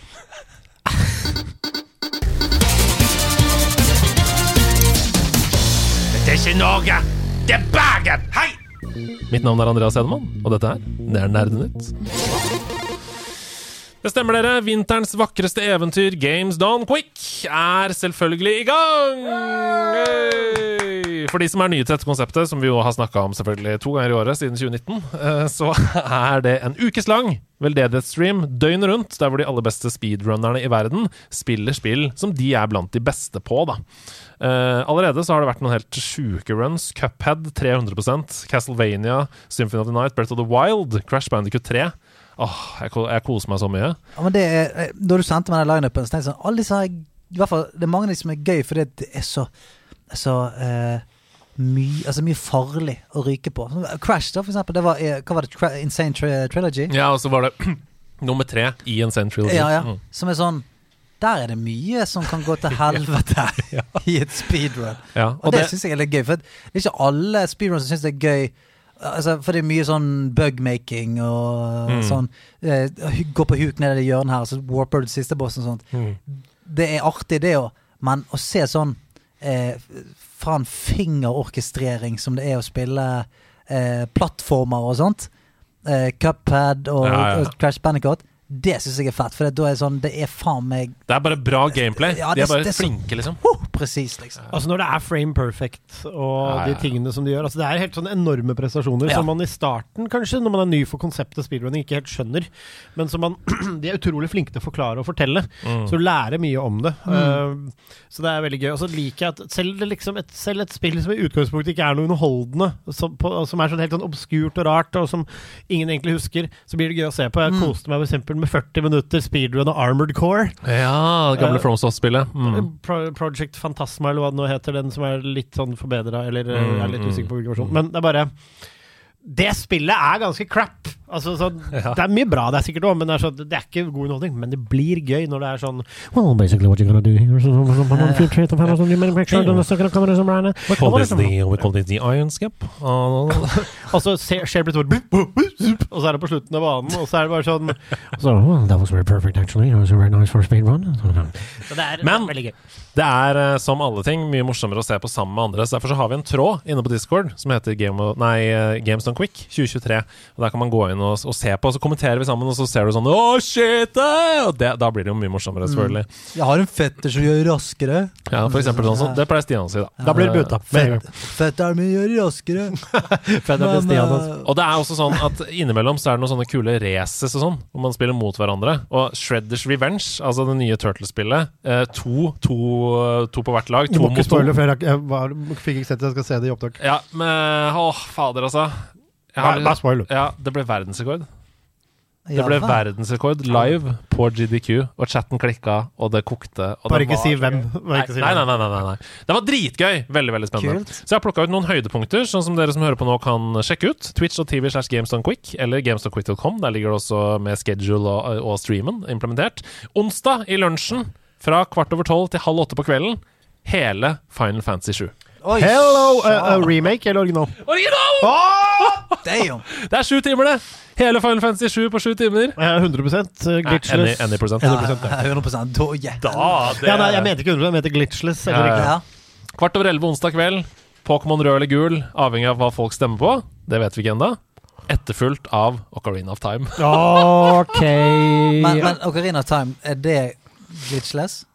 Ja, det så jeg faktisk ikke. For det er vel Det, det runder de vel på faen meg Ja. 15 sekunder nå, ikke Any prosent er veldig kjipt. Det er bare Ja. sånn du, du putter strikk på kontrollen, Ja. og så tar det syv minutter. Du ser bare sånn her, øh, og så er det rulletekst. Ja. Det, er ikke noe, det er ikke noe gøy. Så, øh, men øh, jeg tipper det er litt lenger enn det, for det er ikke noe interaktivt. Det går ikke an å se på. Og de har også hatt en showcase av det før, så jeg tror ikke det er det. Jeg, altså En av mine Ocarina of Time-høydepunkter fra GDQ uh, var han som gjorde de første tre krystallene i blinde. Ja, det er så vilt, da! Halv åtte fredag morgen, Worms Armageddon. Alle missions på en time! Fy. Men uh, apropos blinde. Ha, altså, vi må tilbake til han som rundet Sekiro i blinde. Åh, bare Hva for i, lyd. hva i helvete er det som skjer da? Ja. Da er du daredevil, da. Da er du en superhelt. Det er da det går opp for meg, som liksom er sånn selverklært veldig sånn Er liksom høvelig god i soulsport, så er det sånn Da føler jeg meg som ingenting etterpå, Stian. Jeg føler meg som en Ah, altså, når bare eh, Den delen i Sekiro når du skal på en måte snike deg forbi den hvite slangen, Ja, ja, ja. hvor han bare Der. Én, to, tre, fire. Så ser du på skjermen, der går slangen forbi, og så går han akkurat perfekt i det slangen går for? Altså, det er så, det er så sykt. Det runnet ligger på YouTube. Burde google det og se. Altså, det, det- er helt det er så fantastisk. s- Sekiro blindfold. Det er faen meg noe eh, Shaolin Munch-shit. Worms Armageddon også, halv åtte fredag morgen. Eh, hele lørdag og søndag, det er bare en evig fest. Når du våkner på lørdag morgen, skru på TV-en din, eh, Chromecast eller Apple TV eller hva du har, Twitch.tv slash Games Gone Quick, Final Fantasy 9, Super Mario Allstars, Race, alle spillene! Alle spillene i Allstars. Damn. Donald in My Mallard! Husker du det Det Donald-spillet? Det er lenge siden. Det er magisk! Eh, The Lion King på Snes, Half-Life Alex, Dark Souls 2, Pokémon Legends Arcus, Super Mario 3. Altså, det er masse, så bare la det stå på hele helgen. Um, Akkurat, akkurat nå så har jeg en ting i hodet. Du sa Worms Armageddon. Er det bare jeg som tenker på Shaker Coconuts-låta fra det spillet? Ja, ja, ja. Stemmer det. Stemmer det. er en banger. Så alle disse segmentene kan selvfølgelig ses på både Twitch og YouTube også i etterkant, så ikke fortvil da, hvis du går glipp av noe. Men altså sånn, eh, og sånne races, Mm. det har jeg fått så jævla sweet tooth på nå i det siste. For det at uh, i, I WoW, for eksempel, så er det, det er tatt veldig av. Det har alltid vært sånn race to world first når det er nytt ride som ja, kommer ut. ja, ja, ja. Mens nå uh, er det blitt en sånn Uh, holdt på en, stund nå, men jeg har liksom hektet meg litt på det siste. Du har noe som heter Mythic Plus, Mhm. som er sånn alle uh, I én sesong så tar de eh, åtte forskjellige dungeons, som er på en måte det er det vi skal prøve å gjøre best mulig måte nå. Og så eh, kan du pushe de opp liksom pluss én, pluss to, pluss tre, pluss fire, pluss fem. Og for hver eh, pluss du tar, så får eh, eksempel bossen 10% ekstra damage og liv, og alt mulig. Så da har de kanskje de beste folka i verden. Så har de eh, fire dungeons, så det er sånn om å gjøre å klare å gjøre de eh, fortest mulig. Og så ser du på fire skjermer samtidig at de eh, gjør det. Og det er så jævlig spennende. Mm. Altså, og sammen med, med Road to World First, som var nå nettopp. Det var sånn mythic, det vanskeligste du kan gjøre raidet på. Og så er de beste folka i hele verden Mm. som bare sitter en, fan, hele tiden. Prøver, prøver, prøver, prøver. prøver, prøver Helt til, til noen klarer det. Og den stemningen når de klarer det, det er så jævlig fett. Jeg må også korrigere meg selv. Eh, Takk til Sneaker-chatten her. Eh, Det er ikke Final Fantasy 9, det er Final Fantasy 14, så det er jeg som har sett feil. Altså MMO-et, online rollespillet. Og det er jo det du snakker om nå. Her er det altså to, two hands on keyboard, no mouse. Final Fantasy 14. Nei, men, nei, men hva, er- hva er en time? Kategorien POTD solo MCH FN 171-180. Aner ikke hva kategorien betyr, men gøy blir det lell. Så kos dere med å se på Final Fantasy et spørsmålstegn, det var noen gang jeg har Eh, Jo, men sånn eh, eh, Ok, ja, for de skal bare spille da? Er det som en time? nei, nei, det er jo runde nå, da. Det er jo Nei, kapittel du et eller annet. Et eller annet. jo ikke. Altså, Nei, på en noe time i. Final Fantasy 14, da har du fått den første kjolen din og high-fivet en Nå har dere blitt teasa, så kom dere Det er inn og se first, på. da, ikke sant? Kom dere. Ja, ja. Sony hadde pressekonferanse under teknologimessa CES, altså CS, i Las Vegas forrige uke. Der kom det flere fine nyheter, egentlig. Eh, For det første, konsollen har nå solgt over 30 millioner eksemplarer. Og selger langt raskere tempo enn PlayStation 4. Det betyr det at PlayStation 5 straks passerer Nintendo 64 sine 33 millioner solgte eksemplarer. Eh, men fortsatt da har lang vei opp til PlayStation 2, som ligger på førsteplass. 155 millioner som PlayStation 2 solgte. Men det, det er jo, da må det komme en PlayStation 5 Lite, en PlayStation 5 Plus Altså det må komme andre Pro, ikke sant, versjoner for at dette tallet skal Fordi tenk hvor mange PlayStation 2-varianter det kom. Slim. Kom i rosa, slim, sølv, Ja. grønn Kom i tusen forskjellige. Så. Eh, men en god nyhet det er at Sony nå sier at det kommer til å bli langt enklere å få tak i PlayStation 5 framover. Og det har vi faktisk merka her hjemme allerede. Det er mange på, spillere på laget som kjøpte seg PlayStation 5 fra Komplett nå i jula. De fikk inn et lager med God of War Ragnarok Bundle til en helt eh, fin pris. Så, men det er på tide at det tar seg opp nå. Uh, har dere merket, liksom, har, har venner av dere nå begynt å få konsollen og sånn? Ja. Ja, mange flere, men det er flere som er uh, i beit. Mm. Ja, nei, vi får håpe at Det det, dyrt, løser seg. Ja, det er jo dyrt. Ja, vi ser det. 6000-7000 uh, i en bundle-versjon der, men uh, det er eh, å, å holde i en DualSense og føle på den kontrollen for første gang, det unner jeg alle i Mm. hele verden. Mm. Um, like etter dette så introduserte PlayStation også kontrolleren med arbeidstittel Project Leonardo. Og det som er interessant, er at første gang du var gjest i nederlandslaget, Sebastian, så sa du jeg vil Ja. sende en utfordring til dere om å snakke mer om accessibility options Mm. for uh, spilling. Og dette er en accessibility-kontroll for mennesker med funksjonsnedsettelser. da. Mm. Den er designa i samarbeid med uh, masse tilgjengelighetseksperter, organisasjoner som Able Gamers, Special Effects, StackUp. Og de har et design. Det ser ut som en slags sånn ja, hva skal jeg si, en slags plattform du bygger runding. på. En runding, Ja, ja. en runding, ja. Og der kan du bygge din egen kontroller da, etter ønske og behov. Hva slags behov du har med dine funksjonsnedsettelser. Uh, og det beskrives som Sony uh, Det er neste steg i å gjøre spilling mer tilgjengelig for alle, og spesielt de som ikke klarer å bruke en tradisjonell kontroller. Det er bra, da.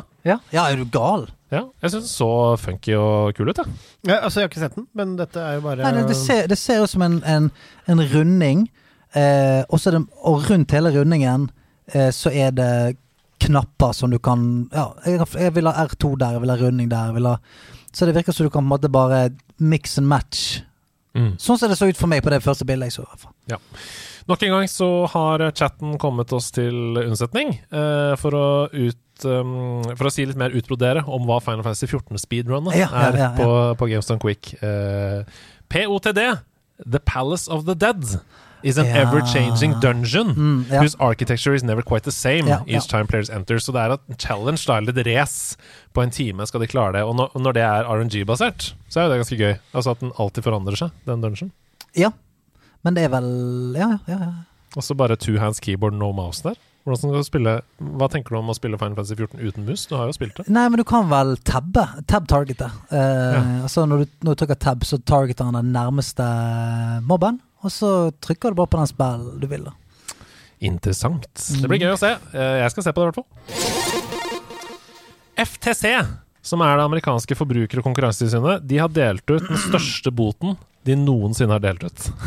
Lyst til å- gjette, Sebastian? Hvem de har gitt den til? Eh, det- det- det- det- det- det- Konkurransetilsynet har De har delt ut Forbrukertilsynet, da, kan du si. Det er ikke, ja. Det, det, Er det IA, eller? Nei, men det er ikke langt unna. Å nei. Det er ikke EA. Oh. Ikke langt unna. Det er en mastodont. Det er Epic Games, altså på grunn av Fortnite. Uh, og den boten er på fem milliarder kroner. Den boten. Oi, oi, oi. Og det som er interessant, er at Epic har gått med på å betale den. Altså uten noe Ja, mer ikke, ikke, knusser. en gammel sak? Nei, den er ganske ny nå. Eh, De er dømt for en veldig rekke ting med disse bøtene. Og ved å betale, da, så eh, innrømmer de jo indirekte alt sammen. Nå skal dere bare høre på den lista over de punktene som de er dømt på. Punkt 1. De er dømt for å ha samlet informasjon om spillere under 13 år uten samtykke fra foresatte. Mm. Den er grei. Den er grei. Den er jo ikke grei. Men, Nei, men den, den har de. Den har de gjort. Den har de gjort. Punkt 2. De er dømt for å ha lurt spillere til å kjøpe V-bucks gjennom forvirrende knappeplasseringer som gjennomførte kjøpet på bare ett klikk. Ok. Ett klikk! Den er vond, ass! Ikke noe confirm eller noen ting. Du bare trykker, og så er det done. Ja, men Ja, ok. Uh, Hæ? Ja. Punkt tre. De er dømt for muligheten til at barn kan bruke foreldrenes bankkort uten at korteieren må bekrefte kjøpet. Det er så mange veier til å bare tjene spenn her. Ja, ja. Men tenk så mye, altså De har gått på fem milliarder kroner i bot. Tenk så mye de har tjent. Da, for Ja! dem er det bare Ja. sånn Ja, for da tenker du bare så, da tenker du bare, La oss betale den kjapt, Ja. og så går vi videre før de ser at vi har tjent eh, 500 milliarder Ja, på nettopp dette. På ett bankkort. Ja. De er dømt for å ha oversett mer enn én million klager fra kunder som har kjøpt V-bucks ved en feil. Wow. En million. Da er det noe feil med designet ditt. Ja. Hvis en million har kjøpt feil. Og da er det litt mørketall òg, tipper jeg. Det er bare de som klagde. Ja, tenk på det! Hvor mange er det som klager, liksom? Det kan ikke være mer enn 10-15% som klager. Tror du det? 20 Nei, la, oss, kanskje? la oss si du, har- du har drept deg ut, eller, eller din nivå hadde kjøpt liksom 100 kroner i V-bucks. Sånn, eh, faen. Du hadde liksom ikke gått ned Du hadde ikke submit a ticket og sagt sånn Du, hei, hei, dette skjedde. Nei. De, de færreste gjør jo ikke det, med mindre det er snakk om et betydelig beløp. sant? Mm. Uh, de er dømt for å ha blokkert Fortnite-kontoene til de som fikk transaksjonene refundert av kredittkortselskapet, eller banken. Altså at fordi eh, de ignorerte klagen, ikke sant? Men så sa kredittkortselskapet ok, her har kortet ditt vært på avveie, så da refunderer vi summen. Og da har kontoen blitt stengt av Epic inne på Fortnite. Ja, er det, ja, men da er det svindel, vet du. Å ja. Det går på, da, da får de får beskjed av bankkortet at denne kontoen har svindlet mitt bankkort ja. uten mitt samtykke.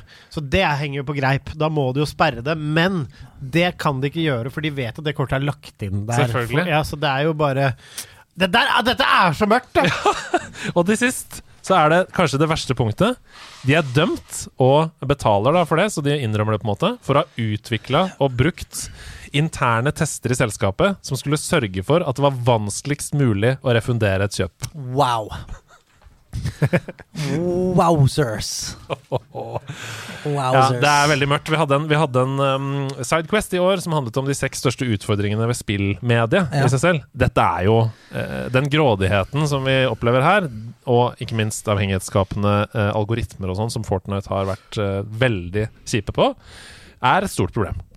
Hva tenker dere? Altså, et stort problem. Dette er jo direkte straffbart. Det er, Mm. er jo nesten season to sist, det greiene der. Det er jo svindling av barn. Ja, det er jo det. Altså, altså det er svindling av barn. Altså, det, fem milliarder kroner det er dråpe i havet for det firmaet der. I forhold til helt Tydeligvis. De har tjent, ja, men de har tjent mer på å gjøre de tingene der enn det de må ut med nå. Ja. Så det er derfor de bare betaler det. Ja. Men det at de, som du sier, når du da bare vet, du vet at dette taper vi, så de betaler og sier seg med det skyldig, det må få flere ringvirkninger. Det må kontrolleres strammere. Det må, inn- du må inn der. Det de holder på med, er jo det er ingen andre som har den tilgangen på barna dine Nei, som får for- holde på sånn. For hvis det bare blir en sånn svindel Nei, hvis det bare blir en sånn eh, bot, så er det sånn Den, eh, den betaler jo du hvert år, den. Hvis det er sånn at du tjener Du tjener 25 milliarder på det. Ja, det er bare en må du, avgift. så, ja, da må du betale 5 milliarder eh, for det. Uff a meg, jeg ler, du- men det er jo forferdelig. Ja, visst er det. Men jeg, bare, jeg spilte Fortnite eh, med kompisen min sin sønn, som var på besøk i julen. Og jeg blir alltid sjokkert hver gang jeg starter opp Fortnite. Mm. For det er så jævlig mye som skjer. Ja. Altså, jeg har ikke kommet med Jeg jeg, altså, jeg har logget inn. Det står liksom 'logging in', Blippolini. Første. Blau! Tre nye skins. Trykker videre. S Christmas event. Eh, battle eh, Own Christmas Battle Pass. Klikker videre. Og så har du fått noe greier. Du har fått en skin. Åpne disse Du har kistene! ikke, altså det tar sånn 35 sekunder før du kommer deg inn på main-menyen. Når du kommer deg inn der, så blinker hele jævla skjermen. Klikk inn, her er det en cabin. Klikker inn på en cabin, der er det noen julegaver som venter på deg. Du åpner de, du får noen skins. Det er faen meg helt sånn eh, Det, det bare blæster trynet ditt. Ja. Hele tiden. Og samtidig, så uten at du vet helt hvor, så i den ene pakka, når du trykker på den pakka, så er det sånn Du har kjøpt 7000 V-Bucks! Ja, Jeg trykka jo bare! Jeg skulle bare åpne gaven! ja, du Nei, men, for eh, fort. Det som er litt bekymringsverdig for Epic nå, det er jo at dette er jo en helamerikansk bot, ikke sant? Mens Fortnite er jo et verdensomspennende spill, så hva sier EU om denne dommen? ikke sant? Hva sier andre regioner da, som kan styre på en måte dataspill i deres region? Får de fem milliarder Hvis de begynner å få fem milliarder i bot fra hver region i verden, så kommer det sikkert ikke til å være en brøkdel av det de tjener. Nei, nei, nei, nei for de tjener jo liksom som Stian sier 25 milliarder i hver eneste del. Så dette er, dette er medregna svinn for dem. Dette, Ja. har de, dette har de hatt i fòret, for de vet at det vi driver med, er skikkelig ulovlig. Ja. Har de hatt gode jurister som er det? Hva tror du den bota blir på? 5-6 milliarder, kanskje? Ja, da Da vi vi det i budsjettet. Ja, Ja, det er markedsbudsjettet vårt. For det er neste, bo, neste lekkasje fra Epic Games nå, er det budsjettet med hvor mye de, hvor mye de, de regner med å få liksom i fengsel. Ja. Hvem skal gå i spjeldet for dette? Sånn, og han tjener litt ekstra. Det, da, det, det, det, det er deres vinlotteri. Det er sånn Å nei, det var Robert Da blir det- nestemann. Da blir det Alcatraz på deg, Finn, og så snakkes vi på mandag. Sitter du klar med YouTube nå, Nei. du som hører på? Nei. Sitter du klar med Google nå? Du som hører på? Det er bra. For det er på tida å snakke om et par kommende spillutgivelser i været. Eh, og da må du google når du hører oss snakke om dette, fordi du har sannsynligvis ikke hørt så mye om disse spillene før, men det kan være perler som er glemt for deg. Først ut er Lone Ruin. Ruin, ruin, ruin. Ja. Det er et eh, deilig rogelike twin stick shooter. Det ser rett og slett ut som en blanding av Minecraft Dungeons, Hades og Returnal i ett spill. Ja. Bullet Hell, men dodgefest og oppgradering av evner og masse gøy. Eh, Nintendo Switch og PC. Kan være noe. Det, Kan være altså, noe. det, da, nå, altså disse rogelikene og lightene Nå stilles det høyere og høyere krav til Ja, det at gjør jeg skal det, altså. å spille det. Det gjør det jeg er enig i. Det begynner å komme mange. Tolv på et dusin, som det heter. Det er det det heter. nå kommer Hades 2 òg. Ja, Ja, ja, ja. Nei, men altså Lone Ruin, torsdag 12. januar, Switch og PC. Og så, jeg kikker bort på deg, Stian, Hei, hei. et fullskala Triple A JRPG. Snytt ut av nesa på Dragon Quest, Final Fantasy og Xenoblade Chronicles. Hello. Det stemmer. Vi skal til et superpolert, høybudsjetts rollespill, nemlig Onepiece Odyssey. Ja! For du, er, du har jo i hvert fall vært borti Ja, Onepiece-universet. ja, altså, jeg, jeg så jo eh, i hvert fall uh, 100 pluss episoder med OnePiece uh, i, i min ungdom. Er det Luffy? Monkey D. Luffy, ja. Ja, Mm. Ja, ja, ja. Mhm. Og uh, Ja, nei, det, jeg, jeg kan være klar for det. Ja, det kommer. Spilte noe mobilspill. Jeg brukte noen penger på noe, noe jævla Pirate Show, eh, Onepiece. Eh. Ikke sant? Og nå er det ikke så rart at vi ikke har sett noe til det på en stund, for det er fem milliarder i bot. Det er Stian uh, lurt for flere tusen V-bucks eller Luffy-bucks der. Plutselig så er det Du har egentlig ikke vært pjusk, du har bare vært blakk på Ja, jeg Luffy-bucks. har brukt mye Luffy Bucks. You're goddamn right. Yes. Uh, You're goddamn right. Um, Luffy-bucks. Ikke Har du noen Luffy det kommer til PC, til PlayStation og til Xbox på fredag den 13. Oi. Fredag den 13. januar. Det er nå på fredag. Det ligger en syv minutter lang gameplay-trailer på YouTube som jeg ble veldig gira av å se på. Eh, utforsking, kister, gear, eventyr kombinert med turn-based combat. Smellvakker tegneseriegrafikk. Det føltes som Pokémon, det føltes som Breath of the Wild, og det føltes som Xenoblade. Jeg skal spille. Ja! Onepiece One Piece Odyssey. Ja, for der har du kul båt. Det er en båtgreie. Altså, jeg har ikke Ja, sett Onepiece. jo, det er jo liksom piratesk tema, ja. og karaktergalleriet er skamfett. Ja. Skamfett karakter. Men her lager du en egen karakter i universet og liksom skal løffe din egen løff. Eller skal du løffe Nei, du er vel løffe, ikke det? Ja, jeg tipper det, ja. Ja. Men det er nei, ikke en RPG? Jeg så, jeg så du spilte som en dame der, jeg så du spilte som forskjellig, så jeg tror du hopper gjennom mellom de forskjellige Ja, karakterene. ok, ok. Mm. Uansett, dette er ikke Norge! Det er Bergen! Mitt navn er Andreas Hedemann, og dette er Nerdenytt! Dungeons and Dragons 10. En kliss ny spalte i nerdelandslaget ser dagens lys. Dungeons and Dragons. Den går ut på at en av oss tre programlederne skal finne på en spilltittel. Vi skal finne på et spillkonsept, og i neste episode så må vedkommende pitche spillet til de andre. Få feedback, få tommel opp, tommel ned. Skal dette spillet realiseres? Bør det se dagens lys, eller skal vi kaste det rett på Grønmo? Søppelfylling. Ja. Som ligger her i Oslo. eh, Ja, det gjør det. For. Så for alle andre så må de dra hit, da. Ja, Kan også dra på Easy. Det er ikke noen spillere, men av og til mindre kø. Først ut er rett og slett du, Sebastian. Hva er det du har grubla på? Nå er vi i NFI her. Vi sitter med armene i kors og er klar for å Jeg, høre pitchen. jeg er en slags sønn eh, Hva heter han eh, Han fra Shark Tank? Han Mark. Ja, Mark Cuban. Ja, Ja, ja, jeg- ja. jeg Er det Mr. Wonderful? Jeg inntar en slags Mark Cuban. Ja. da er jeg en av karakterene fra Dragons Du er Debra Meaden, du. Som da tittelen er basert på. Ja, ja, Kan det være Deborah Meaden? Dungeons and Dragons Tank. Det er ikke Ja, nei. jo, du kan være en tank òg. Sant? Ok! Ok, Dungeons. Ok, greit. Kom litt senere. Woo! Ja, men nå skal jeg begynne. Ja. Ja, altså, dette er jo en spalte som går gjennom, så jeg tenkte jeg skulle begynne litt annerledes istedenfor å bare presentere et uh, spill som jeg kunne tenke meg å spille. Så har jeg i dag uh, kommet til dere Dragons Ja. uh, for å skaffe deres investeringsmidler. Ja. I, I håp om at dere vil være med på denne reisen, Mm. som vil kunne gjøre at mange kan leve av eh, gaming. ok. Oi! Du skal rett og slett lage en plattform som mange skal leve av gaming? Ja, det er jeg er spent. Ja. Eh, mange kjenner sikkert til eh, gleden av å spille varierte og gøyale spill, og kanskje ikke nødvendigvis spesialisere seg ett. Ja. Men eh, er det én ting som ofte kan være morsomt i starten, men kjedelig etter hvert, så er det grinden. Er vi enige? Dere kjenner til det? Ja, for så vidt. For så vidt eh, ja. det. Jeg er nok mindre glad i grind enn Stian. Han er Ja. nok mer glad i grind enn Ja, men eh, det er nettopp at det Men kommer jeg ser, inn jeg ser problemet. Jeg ser ja, problemet. ja, men ikke sant? Problemet er grind når den blir kjedelig, men i starten kan grinden ofte være litt artig. For da merker man ikke at det er grind. Mm. Ikke sant? Eh, Så her kommer min idé. Jeg gir dere spillet 9 til 4 Bonanza. 9 til 4 Bonanza, det ruller ikke av tunga. Nei, Nei, men, 9 til men, 4 Bonanza? eh, 9-4 Bonanza. 9-4 Bonanza. 9 to 5 Bonanza. Ah, 9-5 Bonanza. Bonanza. Ikke sant, internasjonalt. det er det. Jeg er mer med nå. Eventuelt work a 9 to 5. Ja. Eh, Har, vi, har du rettighetene til Dolly Parton på dette? Det, jeg har snakket med Dolly, og de skal komme tilbake til meg. Ok. Eh, eh, Det gjør, det, det det gjør meg umiddelbart litt sånn eh, Nei, men det også budsjett- redd i det prosjektet. men i budsjettet mitt her så er det en 100 milliarder cirka til copyright infringement. Ok, ja. som lagt til. Slags lisensfee der. Skal det på Epic Games? Ja, nei, men at Dette spillet går ut på følgende. Det er veldig mange spill som man ønsker seg. Dette, er en strømme, dette blir en slags streaminggreie. Du fyrer opp ditt spill hjemme. Men det du skal gjøre, er å gjøre andre spillere en tjeneste og tjene penger på det. Det vil si oh, ja. at hvis du, Stian, har spilt mye uh, F.eks. ønsker deg å farme, kjøre Bird Farm i Elden Ring, eh, så kan du sette opp det på et bestillingsverk. Og da, gjennom dette spillet, så kjøper man rettigheter til spill. Og så, når jeg hjemme, eller når du, Andreas, fyrer opp Nanta Bonanza hjemme, så får du opp en hel meny av spill du kan teste spesifikke ting i.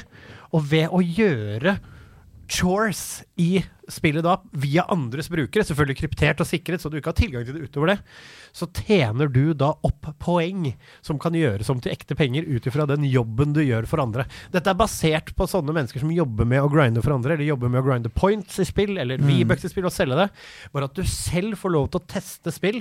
For første gang, for andre gang. Kanskje du liker å gjøre noen ting. Det kan være Fifa, det kan være World of Warcraft, det kan være er? Borderlands. Borderlands. Ja. Er dere med meg? Du rett og slett kan betale penger inn, eller så kan du tjene opp penger i 95 Bonanza, så folk kan grinde andre kjedelige ting for deg, så man bytter på grinden! Ok, Var dette tydelig for deg, Stian? Hva det er som er greia her? Jeg bare lurer på hvor kommer pengene fra? Hvordan, Dere. Jo, men hvordan skal vi tjene de pengene tilbake? Her er greia. Altså, du kan enten, altså, du, du- hvis du ønsker deg noe, så må du kjøpe en pakke. For eksempel så koster Da må man sette opp et budsjett. budsjett dere kan se her på tavlen bak meg. Ja, alle? Oi, se her, ja. Ja, Mm. ikke sant? Så vi, da, vi tar et konkret eksempel Helt her. tom tavle. Eh, jo, men når jeg klikker, når jeg klikker på denne Å, ja, ja, Ja, ja. der er han og Der noe. jeg kommer jeg. Mm. Jeg tar et eksempel i Fifa. Ja. For å tjene så og så mye coins ja, footcoins, liksom? Eller? Ja, ikke sant? Eller i noen modes som er kjedelige, som f.eks. squad battle, som Ja. noen liker, som jeg hater. Men så må du gjøre så og så mange squad battles i uka. Da Ja. kan jeg paye. Inne. Da koster det her 50 kroner, koster det Ja, meg. så du blir satt sammen med meg, da, som sitter i 9 to 5-spillet? Ja, nei, jeg vet ikke hvem du er. Nei. Det eneste jeg veit, er at du spiller 95 Bonanza. For Og du skal ser teste over en en masse liste. spill. Jeg ser over en liste Der ser jeg ok, jeg får, jeg får 50 kroner fra deg. Ja. Direkte fra deg, ikke Ja. sant? For å gjøre denne oppgaven. Selvfølgelig, du får 30 kroner, for 20 kroner går rett til firmaet, selvfølgelig. Ja, sant, for, ok, så uh, 95 Bonanza sitter jeg med en, uh, en, en, en saftig fi her. Og da, hvis du blir god i visse spill, f.eks. Du kan også be om hjelp til vanskelige bosser, til å få bra gear i et spill som er låst bak store prestasjoner i online gaming og sånn. Og da kan du etter hvert bli en god trusted gamer med gode reviews. Ja. Og så kan du begynne å legge ut ting på anbud selv. Ok, jeg, jeg må bare for å, jeg, jeg, jeg elsker jo denne ideen. Jeg elsker en slags plattform der alle spill i verden kan eksistere inni den plattformen. Eh, så ideen på papiret er jo fantastisk. Jeg syns ofte det kan være gøy jeg, å bare gå inn og gjøre noe grind i et spill for å få de tallene til å gå opp, liksom. Så ideen er gøy. Gjennomføringsmessig så skjønner jeg ikke hvordan man skal få lisens til Elden Ring, til Mario Kart, til alle disse forskjellige plattformene i, inni 9 to 5-spillet. Eh, det, det, altså det, det forstår jeg. Der er det også noe forhandling som gjenstår. Men det er klart Ja. at for de store plattformene her så ønsker nok folk å være en del av 95 Bonanza, som blir på en måte de profesjonelle gamernes manpower. Ja, ja. Eh, altså, hvordan får Manpower tilgang til å sette folk inn Ja. i arbeid i Microsoft? Det er jo fordi Men- Microsoft stoler på Manpower, og vi skal ja, ja, 95 Men, men er Mm, 9 jeg to ser, jeg 5 ser, jeg ser. Er 9 to 5 Bonanza et spill som går på alle plattformer? Eller er det bare en nettside som jeg går inn, og så må jeg på en måte spille på min egen plattform? Eller hvordan er det det funker? Det kommer- Er det som en Google Stadia strømmeløsning? Hvordan er det? Det- Altså, dette, er en, uh, dette er en source som du selvfølgelig via PC vil bruke internettsiden. Du kan også melde deg opp. Men det er selvfølgelig konsollspesifikt. Så vi trenger folk på alle konsoller. Så Mm. eier du en PlayStation 5, så er det Ja. der du vil jobbe. din Jeg ser for meg, jeg ser for meg reklamene. Vi trenger folk på alle konsoller. Ja. Vi trenger deg. Ja, og det som er at det, det, salgspunktet er at du kan tjene noen grunker. Hvis du blir god, så kan du tjene deg god og rik. Det er Ja. ingen som tvinger deg til å gjøre noe som helst. Og du får testa en hel masse spill, og gjort en del sånne små uh, Gjort noen småting, da, ikke sant. Du, Som, du tror ikke dette markedet kommer til å bli dominert av folk som lager farmer av barnearbeidere som går inn og, og, og tar alle ordrene? Mm, Vi er ikke aldersrasister i hvem som ønsker å bruke 95 Bonanza. Jeg mener at det skal være lov å sko seg innenfor egen Som, som investor så er dette gode nyheter, selvfølgelig. Eh, hvis Ja, du ja, tenker på at det skal vokse eh, Ja, sånn som, mulig. som investor, men det er Etisk, så- mm. sånn den potensielle backlashen Ja, de, som kommer der. avgiften. Jeg bare tenker på én ting. At det er et uh, arnested for uh, Jeg ber for øvrig om 200 milliarder for 10% av selskapet. Jeg kan gi deg 10 000 for 50 av selskapet ditt. Milliarder eller bare kroner? Jeg syns, hvis jeg skal isolert sett uh, ideen, syns jeg ideen er god. Dette er et hull i markedet som nå løses mellom privatpersoner. Altså Man finner en Discord-server der hvor noen sier 'jeg kan grinde deg opp til gull i Overwatch' Men eller er, for- Diamond'. men det er fremdeles usikkert, sant? Du må Ja. gi vekk konto. Ja. Ja. Eh, så, så du fyller et hull som eksisterer. Um, jeg er, jeg stiller meg tvilende til om det lar seg praktisk gjennomføre. Men hvis jeg skal uh, det, det, eneste tingen jeg har å utfordre på, er at jeg syns det er kjipt at folk skal betale for å ikke spille selv. Det, det, det, bry, bryter med mine på en måte følelser knytta til spillmediet. Er sånn ja. Uh, Jeg syns spillet er gøy når jeg er på førsteplass. Men dette er, ikke, dette er ikke Dragons Feelings Nei. Den. Nei, så derfor så sier jeg ideen er Takk. god nok. Takk, ideen er god nok. Mo- The money. Idet er god nok til at jeg tar litt av mitt enorme pengeberg som jeg Ja. har bak meg, og Ja. gir til deg og sier at jeg syns det er godt nok til å ville realiseres. Gratulerer, du har tommel opp fra meg. Tusen hjertelig. Ja, men hva er tilbudet? Nei, det er bare om han Altså, får til eh, tommel opp eller nei. Jeg vil også bare si at det dere glemmer litt, da, før du gir din endelige tommel opp eller tommel ned-klubben, Ja, ja. er dette er ikke bare Dette er mulighet til å leve og være en pro gamer eh, på et lavere nivå, eller å spe på trygda, på en måte. Men det er også en mulighet til å teste spill, for det skal være litt sånn rare replay-stil. Det er en game mode her du kan gå inn i som ja, du hjelper andre med å gjøre ting, men du får også teste små bite sizes av spill og mekanikker underveis og få sett mye. Og hvis ikke du klarer å gjøre noe bra, så har jo ikke det noe å si. Da Er det tommel opp eller tommel ned fra deg, Stian? som et potensielt eh, luksusmarked eh, hvor folk kan eh, kjøpe seg tjenester og folk kan tjene penger. Et ny markedsplass. Jeg er positiv, jeg, og jeg tror ikke du klarer å, å skaffe alle lisensene sjøl. Det kan jeg være med å skaffe. Så jeg, eh, jeg eh, mm, eh, betaler deg 100 millioner for eh, halvparten av selskapet dere tenker du? Vet du hva? Dette er en deal, gutta. Jeg gleder meg helt sinnssykt til at vi kan komme i gang. Og jeg vil også gi en tommel opp til spalten Dungeons and Dragons. Gratulerer, Sebastian! Du har greid å samle to tomler hittil denne sesongen. Og til, til Paper som sitter og hører på, vi skal selvfølgelig ha en tommeloversikt inne på, er eh, det- på Er det sånn. greie? Dungeons, Ja. det er en tomler? Ja, Ja, men det er uendelig penger. Det er vanskelig å komme Får du tommel opp eller ned i hvert program, så får du Du, får, du har fått to tomler av to mulige. Eh, så lykke til med å samle flere tomler. Eh, vi putter dem inn i tommelboden. Gå inn, vet du hva? Gå inn og tomle i Discord og på nerdebutikken. Tomle til tomlinga tar jeg. Tomler det.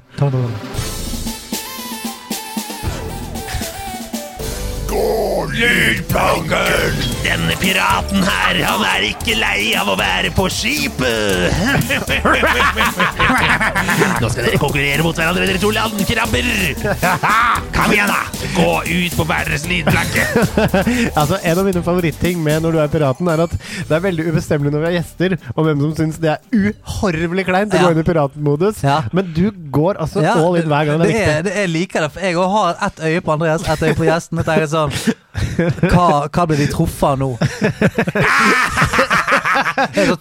Formoe som kommer inn. Ja, for, Hva er huleste alle dager? ja. Og nå skal du bli Er du redd, langkrabbe? Ja, Og bare, sånn- «Hei, hei, hei». Og så er det Jeg er sånn litt redd. Du har liksom, du har liksom politiker, du har liksom talsmann for, uh, for familierelasjoner i KrF som Ja, nei, jeg gleder meg til quiz. Erna Solberg, er du redd for å bli eh, bundet til masten og pisket i ræva? Det er ikke første gangen jeg ble bundet til mast og pisket Ok, I Går lydplanken så skal dere høre på musikk, eh, avsløre hvilket spill det er, og også svare riktig på oppfølgingsspørsmålet. Vi går rett i gang, vi. Her kommer det første spillet. Rop ut når dere vet hvilket spill vi er i her.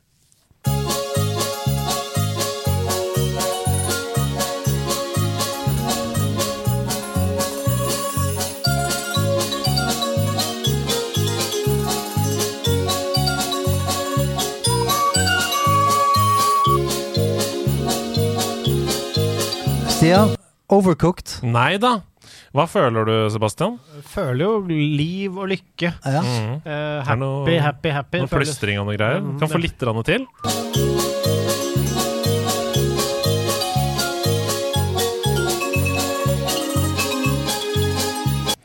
Ja, det er ve veldig plattformete. Ja. Veldig plattformete. Jeg bare prøver meg. Mm. Kirbys uh, Ja. Kirby-fanskapet. Du er på riktig uh, plattform, Ja, men det er ikke riktig sjanger. Ok. Men du er på riktig konsoll, på en måte. Ikke riktig sjanger. Nei. Uh, nei, det står helt bom stille for meg. Ja. For jeg har Stian, Mario Rabbits. Og det er Mario i navnet, men det er ikke Rabbits. Sebastian. Ja. Mario Golf. Nei da. hadde jeg kunne vært ja, det er på golf. Mm. Ja, men ikke, ikke riktig sjanger på Kirby, men det er Mario i navnet. Ikke Mario Rabbits. Det er ikke et plattformspill. Sebastian. Mm. Er det Mario RPG, da? Nei da, men nå har dere gjetta alt som er Mario, bortsett fra dette. Det er Mario Kart. Uh, Dette her? Hæ? dette er rett og slett Sherbet, Submenu. Sherbet Land-banen Huh. fra Mario Kart 8 Deluxe. Ok, ingen poeng eh, i første oppgave. Her kommer oppfølgingsspørsmålet. Hvor mange cuper er det i base game av Mario Kart 8 Deluxe, altså før DLC-er? Og her vil jeg at dere skal komme fram til tall, som dere da sier det er ikke Og den som er nærmest, den vinner. Um, så bestem dere nå, før dere sier tallet. Hvor mange cuper er det i base game av Mario Kart 8 Deluxe? Du har bestemt deg? Bare skal ta det tre, så kan vi si samtidig. Ja. Én, to, tre, åtte. Fem. Ja! Du sa fem. Du sier åtte. Ja. Det riktige svaret, for du ser for deg menyen der, ikke Ja. sant? Det riktige svaret er tolv. Det er seks oppe og seks nede. Stian er Nei, nærmest! jeg vil ikke ha poeng. Riktig eller feil, vet du, men det er jeg enig med deg. Jeg vil ikke ha Vet du hva? Stian skal ha poeng. Vet du hva? Det er stort av deg. Stian. Ja. Vi går videre Og ikke til minst neste riktig. Jeg vil ikke ha, jeg vil ikke ha riktig på fire Altså, Nei, jeg er fire unna. vi vil ikke det. nei, det. er for langt unna. Ok, her er neste oppgave. Stian! Ah, Det er eh, snøbanen i Super Mario 64. Det Coco Mountain. er eh, helt riktig. Mountain. Den heter eh, låt Ok. Her en gang til. eh, Nå, ja. Du, du forsnakka deg lite grann. Fordi låta her heter Snow Mountain. Men hva heter de to banene som bruker denne sangen i Super Mario 64? Au, au. Mm. Hva Er heter de to banene som bruker denne Det er banen? Mountain. Ja, det svarer du. Nei, det, er Det er riktig. Ja. Det er ett Ja, riktig ja. svar. Ja. Hva er den andre banen? For det er det mange glemmer. Det fins to uh, vinterbaner, vet du, i, eh, i Super Mario 64. Det er det en, vet hvilken det er. det er en uh, labyrint Ja. med is og sånn som du må gå rundt i. En helvetes bane. Den er helt krise. En helvetes bane. Mm. Det er noe vann som du faller ned i og dør av Og fordi det er masse, kaldt vann. masse av de der folka med blomst på hodet som du må hoppe opp og få Helt riktig. Ja, ja, ja. Jeg husker ikke hva den heter, jeg. Nei, det er ganske langt ute i spillet òg. Ja. Mm. Sander bit for bit. Nei, det, var sånn snow, uh. Snowy Maze. Å, det er nære. Det er ikke riktig. Cold Maze. Nei da. Det er Snow Man's Land. Snowman's Land. Og det er gøy, da, for det er No Man's Land. Det er sånn Ah. pirataktig. Altså. Snowman's Land, ja.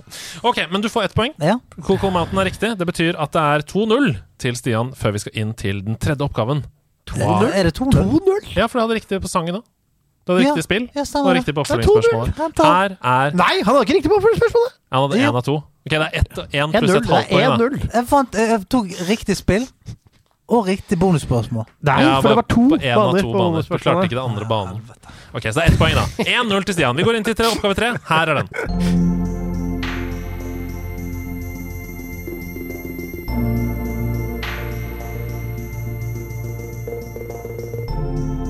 Sebastian! Er dette Donkey Kong? Ja, det er det! Oh, Hvilket er det, da? wow. Wow. Eh, tropical? Nei.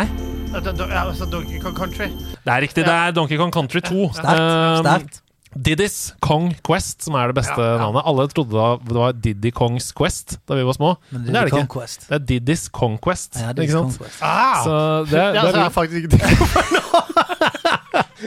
Den er sterk. Den er, er sterk. Den er, den er meget sterk. Ok, oppfølgingsspørsmålet. Det er 1-1. Det er til å ta og føle på. Husk at det er et fellesnevner her òg, til slutt. Men hva heter apen med rosa caps og hestehale som hjelper Stian. Diddy i Donkey Kong Country Stian. 2? Stian. Stian? Han heter eh, Quirky Kong. Nei. Da kan du få svare. Hva heter apen med rosa caps og hestehale oh, nei! som hjelper Diddy Ja, i Donkey. Kong Country 2? Nei, feil, ja. Og Cindy? Nei, det er riktig. Uh, Fuck ham ikke. eh, fuck om Fordi hun, det er hun som har det fly... Nei, Ja. save point i Donkey Kong Country. Hæ? Ja. Trixie. Å, det er nære, men det er ikke riktig! Dixie! Det er riktig! Dixie! Dixie! Dixie! Det er helt riktig. Det er Dixie Kong, Sebastian. Det betyr at det er 2-1, men det er en fellesnevner her. Hva er fellesnevneren mellom de uh, tingene vi har hørt nå? Mario Kart 8, eh, Super Mario 64 og Donkey Kong Country. Ja, Nintendo. Ja, det er riktig. Men hva er det vi har hørt da, dere? Sebastian. Ja. Det er samme komponist. Nei? Ferk Å, Sebastian! Ja? Det er vannbaner. Å, nei. Det er isbaner! Det er isbaner! hvor mange ganger Isbaner! Hvor mange ganger kan jeg svare? Altså, du Det er annenhver gang. Ok. Ja. Isbaner. Det er ikke, det er ikke, det er ikke riktig, men det er nærmere. Jeg, her må jeg være streng. Nei, nei, ja, vent, vent nå. Vent nå, vent nå. Eh, av alle er baner med Du spiller på et bakverk. Det er isbaner, men det er ikke det som er ordet vi skal fram til. Det er snøbaner! Verdener. Vinterbaner. Det er riktig! Det er vinterbaner! Det er det vi skal fram til her. 2-2. Det er 2-2. Ja, Ingen greit. trenger å gå av greit. Alle er fornøyde. og Begge, vi skal begge var like elendige. Vi skal til nok en ny spalte. Er dere klare? Ja. er Er dere spente Ja. etter å ha sluppet å gå av lydplaken? Ja. De fire store. Åh, den er kul, den vignetten der! Dette er nok en kliss ny spalte. De fire store, det er rett og slett en liste der hvor en av oss har plukka ut det vi mener er fire storheter innenfor et tema. Og jeg har ikke lyst til å legge noen føringer, så selv om det sikkert er fint da framover i sesongen, om det i utgangspunktet er litt sånn spillrelatert, så kan det også være nerderelatert. Det kan være fire store filmer, fire store komposisjoner fra Radiohead. Jeg føler at det kan være mer nerdete enn det. Oster, krydder, lakkforseglere for bil, og osv. Jeg har lyst til at det skal være såpass åpent. Uh, Så det er rett og slett en liten liste der hvor vi selv bestemmer reglene. Ja. Og jeg er først ut. Det er du. Og da kan jeg ønske velkommen til De fire store. Det har jo tatt navnet sitt fra Og da kan vi jo ta en liten quiz først. Hvem var De fire store? Uh, Ibsen. Ja. eh, Det er bra. Det er, jeg kan avsløre at allerede har chatten klart det, før du i det hele tatt spurte om det. Ibsen. Han er hin. Han tredje. Han er med. Dredde er Han, med. han han fjerde er med, sant? Han kommer også så, med. ja.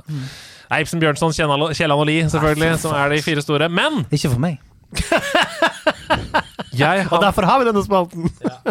jeg har valgt å ta for meg de fire store miste pusten-øyeblikkene i min spillhistorie. Ja. Ja, De gangene hvor jeg ble sånn What?! Aha. mens jeg spilte et spill. Eh, og det finnes jo mange flere enn fire der, selvfølgelig. Men eh, jeg prøvde å snevre det litt inn for meg sjøl. Jeg vil ha fire øyeblikk som kun ville vært mulig i spill. Ikke sant? Der hvor det er gameplayet som er med på å fortelle den roop, sjuke historien. Ja. Eksempel når Psycho Mantis i Metal Gear Solid leser memory cardet ditt og sier sånn ah, 'Jeg ser du liker uh, Splinters, ja. Hamburgere. Ja, det er ganske sjukt. Eh, Altså, det hadde Epic Games fått fem milliarder i bot for nå. ja, ja. ja, det er sant. Det er GDPR, ja. ja. ja, ja. Ser du Det var offline, liker, ser Det er det spillet der? Er en gris. Nei, men uh, jeg har valgt å ta også ut et par øyeblikk som kunne ha nådd lista. Uh, og grunnen til at jeg har tatt det ut, er fordi de er så ferske, de er så moderne, at det hadde blitt spoilere. Ja. Spesielt med tanke på at det kommer en HBO-serie uh, på søndag. Som har allerede begynt å høste en del rå kritikker, eller? Eh, Kristoffer Palle, terningkast seks der. Hei, hei, hei. The Hei, last hei, hei, of hei. us. Ok, først ut på lista, og nå trenger jeg en sånn herre nummer én. Ok, er du klar, Stian? Hvis du lager en stille bit Nummer én. Å, det er veldig bra! Første på lista er et bitte lite indiespill. Uh, og det ga meg noe vondt i magen da jeg skjønte greia. Det er det som er dette wow-øyeblikket, på en måte. For det er Braid. Ja. Braid, det lille puzzle-spillet der hvor du skal spole tilbake tiden for å løse ulike oppgaver. Uh, F.eks. finne en nøkkel. Du, må kun, du kan kun gjøre det hvis du, du kommer deg ned og opp igjen, for da går døra opp og sånn. Gjennom hele det spillet så prøver du å redde en prinsesse fra en ridder som har fanga henne. Litt sånn Mario-aktig, ikke sant? Men i den aller siste banen, som på en måte viser deg mekanikken du har brukt hele tiden, altså spole tilbake og sånn, så spoler du jo tilbake i spillet, og da ser du at det som skjer, det er jo at prinsessen og ridderen prøver å rømme fra deg hele tiden. Det er du som er ond Ah. i spillet, som hovedperson. Du skal ikke redde henne. Du er en crazy stalker som prøver å ta prinsessen. Og ridderen gjør det ridderen skal. Ja! Forsvare prinsessen! Og ikke minst en liten sånn nuclear uh, Hva heter det for noe når en allegori inni der? ja. Er ikke det uh, wow-øyeblikk? Så vet ikke jeg. Absolutt. Ok, vi trenger neste på lista. Nummer to. Og eh, der var det forrige, ikke sant? Nok en gang, det var gameplay i seg sjøl som lagde det. Spole tilbake-greia. Det neste er Red Dead Redemption 1. Takk Gud. Et av mine absolutte favorittspill gjennom tidene. Fordi du spiller jo som John Marston der. Eh, du har endelig greid eh, å holde deg unna First Price FBI, som bare heter Bureau of Investigation. gjennom hele spillet. We're not, fe we're not federal yet. We're just a little bureau. But we do investigate. We Yeah. do. Yep. Yep. Me, Martin, Yeah. Steve. Yeah. Well, we, we call ourselves the, bur- the bureau. Yeah, Bu- don't, bu- for, bureau. don't, don't forget about Steve. He's thinking about moving a little further down the country so he might become federal.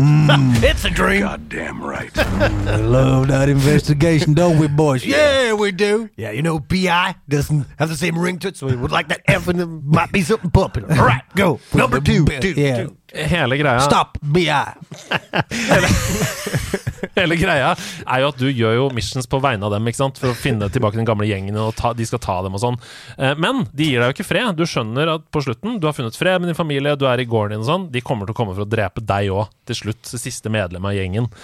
Så dette er den siste scenen i spillet. Når du åpner frontdøra hjemme, så står det 30-40 mann utafor døra fra BI eh, som peker på deg da med geværer. Og det i seg selv, det er jo et sjokk. Du blir sånn What the fuck? Jeg gjort, det som skjer da, det er at spillet automatisk aktiverer Dead Eye av seg selv, uten at du har trykka på noe. Ja. Slow motion. Og da fikk jeg sånn her hakeslepp. Fordi det spillet sier da, det er dette er the last stand. Mm. Du skal ikke gå ned i stillhet. Dette er oppgjøret. Cowboyspillet, liksom. Ja, ja. Dead Eye der, og du skyter ka, ka, ka, ka, ka, ka. Du kan skyte mange flere. Du har uendelig Dead Eye enn det du uh, har rundt i spillet. Og det maker no sense, for det er kun seks kuler i en seksløper. Ja. Så der faller hele spillet Men- sammen på sin urimelighet. Du dreper jo så mange du klarer, men du har ikke sjans selvfølgelig. Du blir skutt på fra alle kanter. Det er 30 mann som skyter deg, og spillet slutter da mens du ligger i din egen blodpøl og ser opp him mot himmelen. Mm. Det var så fett at spillet automatisk aktiverte Dead Eye. Så det måtte på Ja, for det var ikke noe sånn Du, vil du overgi deg, eller vil du gå ned? Nei, nei. Spillet bare sånn her. Ja, ja. Ok, nummer tre. Nummer tre. Tre, tre, tre. Nummer tre på lista, det er Portal 1. Ja. Eh, og det geniale med Portal Det er at eh, hele spillet er bygd opp sånn at du lærer litt og litt og litt for å forstå reglene i puzzle-universet. Du vet ikke helt hva du jobber mot, du vet ikke hva som er slutten i spillet og sånn, men den eneste måten å komme seg videre, det er å bruke det du har lært. Ja, hvis jeg tar Portal der, så kommer jeg ut der. Hvis jeg hopper inn med fart, så kommer jeg raskere ut på andre siden. Du lærer litt og litt mer hvordan verden fungerer. Er veldig sånn regelbasert når du tenker. Og derfor syns jeg det var så utrolig bra historiefortelling når det viser seg at du på slutten av testingen skal drepes. Du er på vei ned i et flammehav som hovedpersonen. Og den eneste måten å redde deg selv på, det er å bruke de reglene du har lært, og bryte reglene. Mm. Du må eh, lage deg en portal der hvor du ikke skal. En- og nå gjør jeg sånn gåseøyne med Ja, fingrene, ja, ja. og det er den eneste måten å overleve på. Ja. Ikke sant? Og idet du gjør det, da, du tror kanskje at spillet er ferdig da, da begynner jo på en måte del to, altså akt to av spillet, som handler om at spillet hele tiden prøver å drepe deg, og den eneste måten du overlever på, er å bryte reglene Mm. hele tiden. Og det er så fett! ja skamfett. Det var sånn wow-øyeblikk for meg, for jeg visste jo ikke hva jeg gikk til med Portal. Portal er faen meg bra, altså. Det er så jævlig, jævlig. Ja, det er, ja. Glados, en av tidenes skurker. Ja. Det siste punktet på lista Nummer fire sist Oi. Ja, nummer fire er assist, ja. Det er helt riktig. Det hørtes ut som du sa nummer fire assist. Som at det var assist i, i Ja, nei, det var norsk, ja. Ja. Dette kommer jeg aldri til å glemme. Uh, og det er fordi jeg trodde at spillet var over da det skjedde. Uh, og jeg var også veldig ung, og de første opplevelsene de husker du jo for alltid. Um, men spillet var ikke over. Det var der det begynte. Vi hadde spilt og spilt og spilt mot det øyeblikket her. Og øyeblikket jeg snakker om, er da jeg trakk Master Sword ut av steinen i Temple of Time i Ocarina of Time. Etter at du hadde holdt deg for øynene gjennom alle zombiene i byen. Nei, fordi Det er dette er før. Ja, det er jo ja, Du dette er jo trekker steinen ut som link, og så forandrer du med det hele gameplayet i spillet. Stemmer det. Eh, Ikke bare gir du da Ganon Triforce, han tar over Hyrule Stemmer det. når du gjør det. Du blir sendt syv år fram i tid. Du våkner opp som voksen og bare Hva er dette? Verden er ond, den er mørk, den er stor. Jeg kan gjøre masse ting jeg ikke kunne gjøre før. Jeg kan bruke hookshot, eh, som jeg ikke kunne da jeg var barn. Uh, nei, longshot, mener jeg. Du kan, du kan komme lenger. Du kan Istedenfor å bare ha sånn, uh, pi, sånn eh, spretter, så Ja, kan du ha pil og bue mm. med ordentlige piler. Så alt du har lært å kjenne til det, er liksom snudd på hodet, og spillet er mye større enn du trodde. Og det er masse templer. Du har jo bare holdt på med liksom Forest og, og liksom småting og sånn, men Ja. da er det Shadow og Wind og Spirit og svære ting som skjer. Så det er det største what the fuck-momentet da jeg skjønte scopen av Ocarina of Time. Og at jeg skal gå mellom voksne og barn og de tingene. Og ikke minst, altså det er, dette er nok en selvfølgelighet for mange, men jeg så en analyse om det av en sånn en meget flink fyr eh, som eh, snakket om hva genialiteten i Ocarina of Time er sånn historiefortellingsmessig. Det er nettopp det at den tar deg gjennom alle områdene og alle byene, mens alt er fint og søtt og det funker, og du aner noe ugler i mosen. Og så idet du trekker opp og tiden går og du blir voksen, så kommer du ut igjen i borggården som før yret av liv og stemning og basar. Og der er det bare grisehorror. Og alle stedene du har lært deg å kjenne, er ødelagt. Så plutselig er denne er en antagonist som du umiddelbart vet hva stelte i stand. Og dessuten så er det din feil, for det var du som trakk det sverdet. Sant. Så du føler Din på skyldfølelse. Du føler sånn 'Jeg må make this right'. OK, det var min De fire store-liste. Det var en kjempefin De fire Jeg, store. jeg, jeg går på do jeg da, mens du tar den neste vignetten. Jeg vil, jeg vil kanskje også si at det er den beste De fire store vi har hatt i nederlandslagets historie. Nei, den er jo her fortsatt, den! Ja da. altså den Er, er den blitt større siden sist, den korktavla, eller? Jeg vet ikke. Det var noen folk her som drev og stjal de der Mercy-figurene og sånn. Kanskje de også utvida eh, korktavla mens de var her? Ja, det er litt sånn som nissene. De, de tar noe, men setter noe tilbake. Jeg veit da faen hvor jeg skal med den vitsen! Ni sesonger, og vi er ikke i nærheten av å være ferdig med korktavla enda. Neida. Hei! Jeg skulle gjerne hørt deres meninger på å google i spill. Jeg personlig jeg googler ganske mye. I spill som Breath of the Wild for eksempel, så googler jeg shrines. uh, hvis jeg står fast. Jeg, googler, jeg gjør det egentlig mye bedre i combat enn i shrines, skriver Jakob HF. Hva tenker du på generelt grunnlag om å google hvis man står fast litt?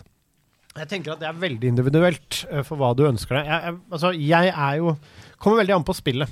Hvis det er et spill jeg har gledet meg stort til, som jeg vet jeg liker altså Jeg kan bruke eksempler at du bruker hvis det er et Souls-spill, da, for eksempel, som er veldig øh, hemmeligheter, og det er vanskelig å forstå, og det er mye mechanics. Det er vanskelig, hva er bra, det er liksom, og det er fikst hvor items er og sånn. Mm.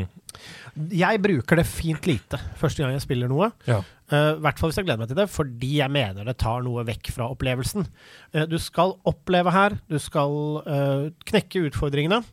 eh, og du kan liksom jukse deg til info fra andre med en gang, og gi deg selv en lettere strømlinjeforma eh, opplevelse, hvor jeg syns det tar mye vekk fra det inntrykket jeg mente at jeg skal ha. Når det er sagt, så skjønner jeg at gaming er tidsklemme. Folk har ikke tid, folk har forskjellig uh, forskjellig glede hvis du er god glad i combat-biten og ting, og du har lyst til å bli fortalt en historie og sånn, og du står bom fast, så kan jeg godt forstå at noen vil google. Jeg personlig prøver å unngå det til, eh, til altså så mye jeg kan, og spesielt hvis det er noe å glede meg til. Men hvis jeg spiller et spill som er litt sånn Dette er ikke det jeg gleder meg aller mest til. Hvis du skal anmelde det, da, for eksempel. For eksempel. Mm. Men jeg skjønner det veldig godt ved det å stå fast. Men jeg tror da straks man åpner den Pandoras kiste der og googler google i spill, Mm. da tror jeg man fort er nede en slippery slope der for å Ja, strømlinjeforme alt. Det er jo selvkontroll, ikke sant? For jeg, jeg er veldig glad i å google uh, Spørsmålet er, Stian, var en liten tur på do der. Eh, pleier dere å google noe særlig i spill hvis dere står fast? Det er en som googler i Shrines her. Jeg gjør det eh, etter en tidsperiode. Ja. Altså Jeg prøver alltid først å prøve å løse det selv. Jeg prøver å tenke, og det er ganske extended tid. Altså Jeg tenker sånn «Ah, Har jeg prøvd å snudd alle steiner her nå? Hva er det med dette puzzlet jeg ikke forstår? Og hvis det bare begynner å frustrere meg, hvis jeg får en dårligere spillopplevelse, hvis jeg blir sur og irritert og sånn, da googler jeg. Men jeg er jo veldig glad i puzzlespill, sånn at jeg bruker jo lang tid på det. Men jeg, jeg tenker at ehm, det er ikke noe gøy å ha en dårlig spillopplevelse. Så gjør det som gir deg en god spillopplevelse. Det er helt enig. Men det er sånn, i, i hvert fall alt jeg gjør, så jeg har alltid lyst til å bli litt flinkere. Alltid lyst til, så Hvis jeg møter på noe utfordrende, så har jeg lyst til å liksom, i hvert fall prøve så godt jeg kan. Altså kjenne med meg sjøl at jeg, vet ikke, jeg, har- faen ikke, jeg har virkelig ikke peiling. Nå har jeg prøvd alt. For det som oftest så klarer man det hvis du gir det litt tid. Mm. For du må liksom komme til det punktet der sånn, Du må liksom ligge fra deg kontrolleren nesten. Og så, faen, hva faen Mm. er det Ja, ok, ok, jeg kan prøve det. Så, og så klarer man det, og da er det, da er det jævlig bra. Da har du blitt litt flinkere, for du har nå skjønt et mønster som kommer til å gå igjen i mange spill du skal spille de ti neste årene.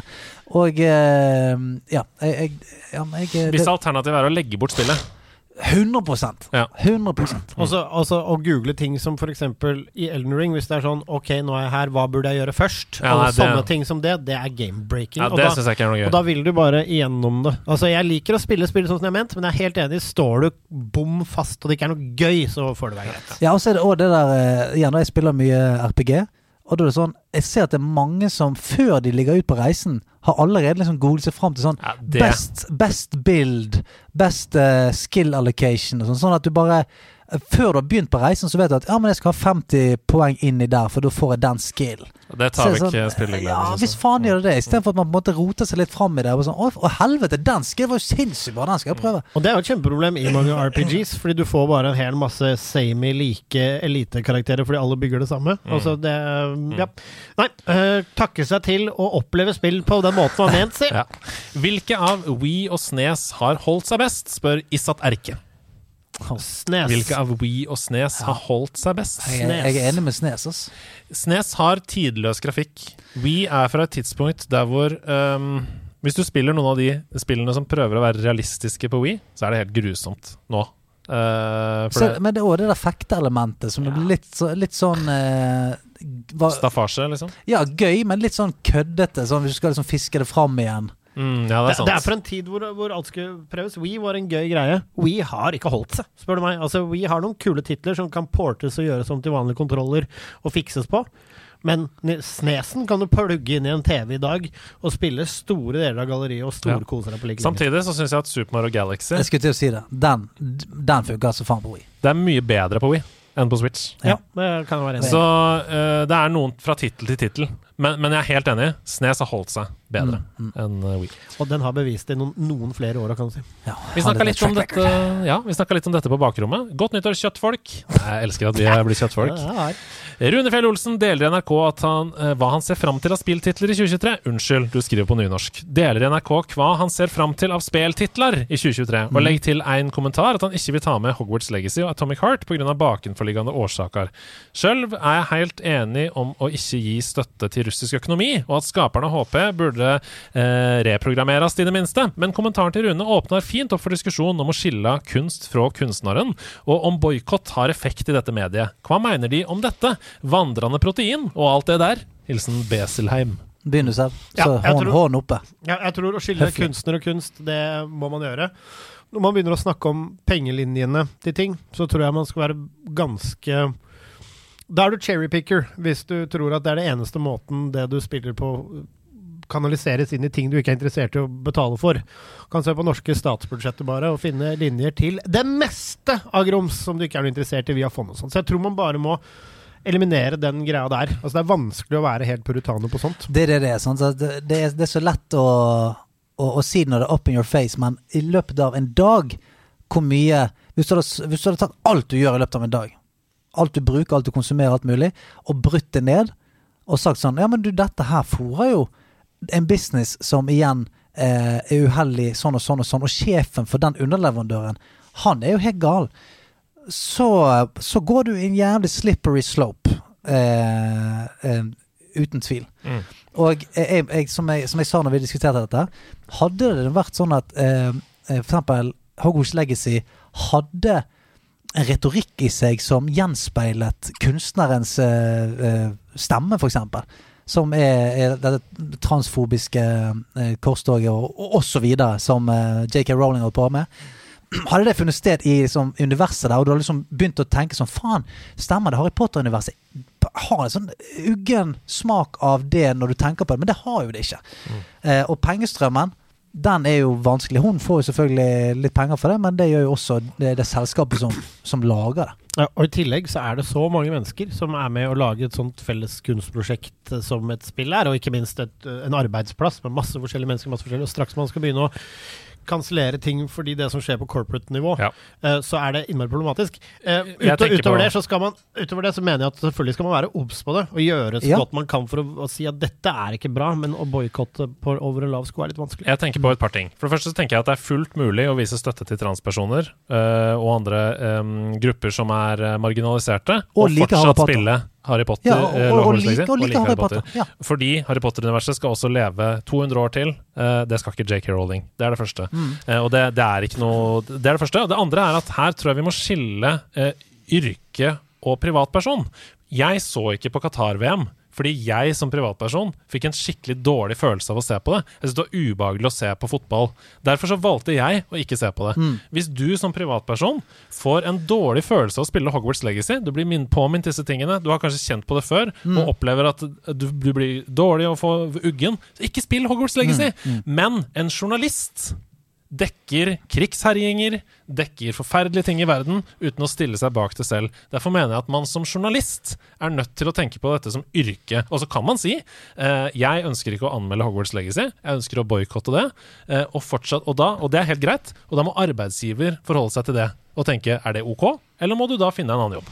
Det er mellom arbeidsgiver og journalist, da. Men jeg tenker at ved å anmelde Hogwarts Legacy, så trenger man ikke å stelle seg bak holdningen til J.K. Rowling. Nei, det er det jeg nei, prøver å si. ja, på, på ingen måte. Og så tror jeg det er viktig å ikke shame der. Jeg så heller ikke på Qatar-VM. Jeg kunne godt tenke meg å se det. Jeg klør i fingrene for å se VM, for Ja. jeg elsker VM generelt. Det samme her. Og men, men jeg gjør ikke det fordi det er så direkte problematisk pga. det er arrangøren av det. Mm. Det er sportsvasking.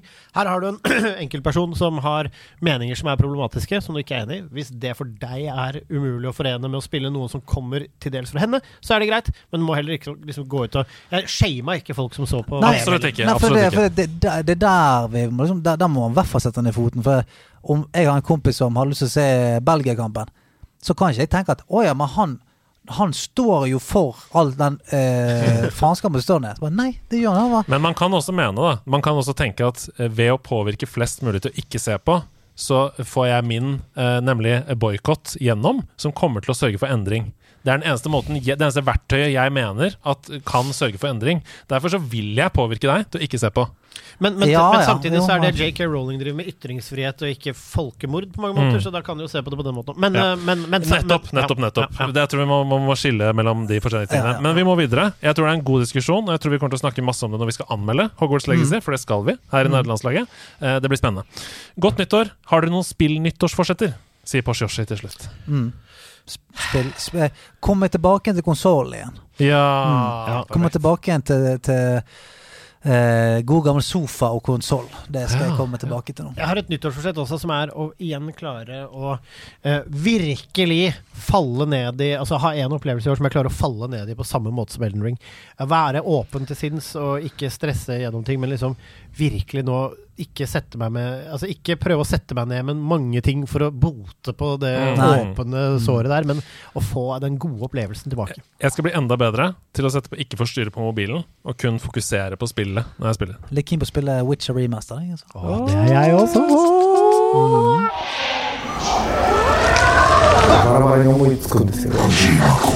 Ja,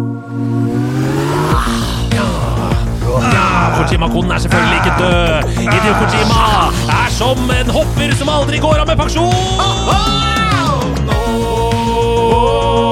Hideo Kojima la tatt med Mario. Hideo Kojima la tatt med Mario.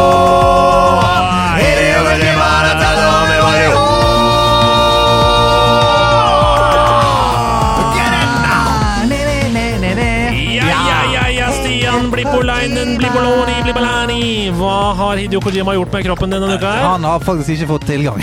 Oh! Jeg har sagt Hidio, Hideo, hit meg ikke lenger. Stopp til min kropp, har jeg sagt. Så han har, ikke, han har faktisk ikke fått lov til å Men det, jeg, jeg trengte å sette grenser akkurat denne uken her. Ja. Så han har ikke Stopp! Det er jo min kropp i Hideo Kojima! Ja. Beste unnskyldning Ja. for å ha glemt Hideo Kojima! ja, Stopp til min kropp, altså. Så, Sebastian? Ja. Hva har Hideo gjort med din kropp denne uka her? Her er det en som ikke setter noen grenser. er. Ah, er. Her gjør man, og det, men det var samtykke hele veien, Hideo, og det takker jeg for. Ja, jeg er klar. Ja. Han er i meg as we speak, og nå skal vi sette i gang med dagens. Åh, jeg gleder meg. Det blir spennende. Nå må vi slå hodene våre sammen. Det må vi. Ok, Er dere klare? Er dere klare? Slå hodene sammen. Ja. Er det, kan du samtykke til det, Stian? Ja, det kan jeg. bra. Et spill ingen ønsket. Sånn høvelig bra. En gigantisk serie kommer det fra. Nå skal det skytes og ikke noe mer. På Nintendo Wii er der det skjer. Ah, jeg skal skytes og ikke noe mer. Dobbel kode i første ledd. Eh, jeg pleier bare å ha to linjer, vet du. Han er flink, han her. Ja, han er det. Eh, det skal skytes på Nintendo Wii. Det er off sjelden at vi driver med det. Men fra en Eh, stor serie kommer det. ja, dette ville ingen ha, dette Det spillet. har det For det er ikke tradisjonelt et skytespill. Så plutselig så er det sånn her eh, Donald skal skyte! Eller altså, Nei, vent, da. Kanskje det er noe Zelda-skyting? Bow eh, med Ja. bue? Nei. Ja. Med skyting Dette ville ingen ha. Et, et spill fra en stor serie, og nå skal du plutselig skyte på Wii. Hva er det du ikke, sikter? Ja, for det er ikke Hyrule Warriors, liksom. At det var eh, At du kan skyte rundt omkring med, med Link der i eh, Muso Muso-moden. Et spill ingen ønsket sånn høvelig bra, en gigantisk serie kommer det fra. Nå Mm. skal det skytes og ikke noe mer. På Nintendo Wii er der det skjer. Det er ikke noe mer. Det er kun skyting. Er det liksom Mario Blink? Skjønner du hva jeg mener? Dartspill? Eller uh... Ja, men da uh... Ja, vil dere prøve å kaste ut et forslag her, eller skal vi ta del to? Altså, Jeg syns jo dere, dere resonnerer jo ikke så galen. Jeg resonnerer ikke så galen. Eh, nå skal det skytes. Er det å skyte på blink? Er det mm, Er det pang-pang? Er det er det bare straffe, liksom? Er det bare eh, Ja, altså, nå skal det skytes, ja. Det kan Ja. være fotball òg, selvfølgelig. Ja. Mm. Nei, jeg har ikke noe til jeg, Nei, jeg, jeg, jeg, eh, jeg trenger, litt, trenger litt mer. Altså. Vi kjører del to. Ja.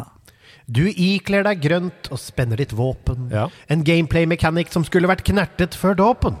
Spillet jeg påstår at ingen savnet, et blinkskudd som i tilbudsbøtta på Spaceworld havnet.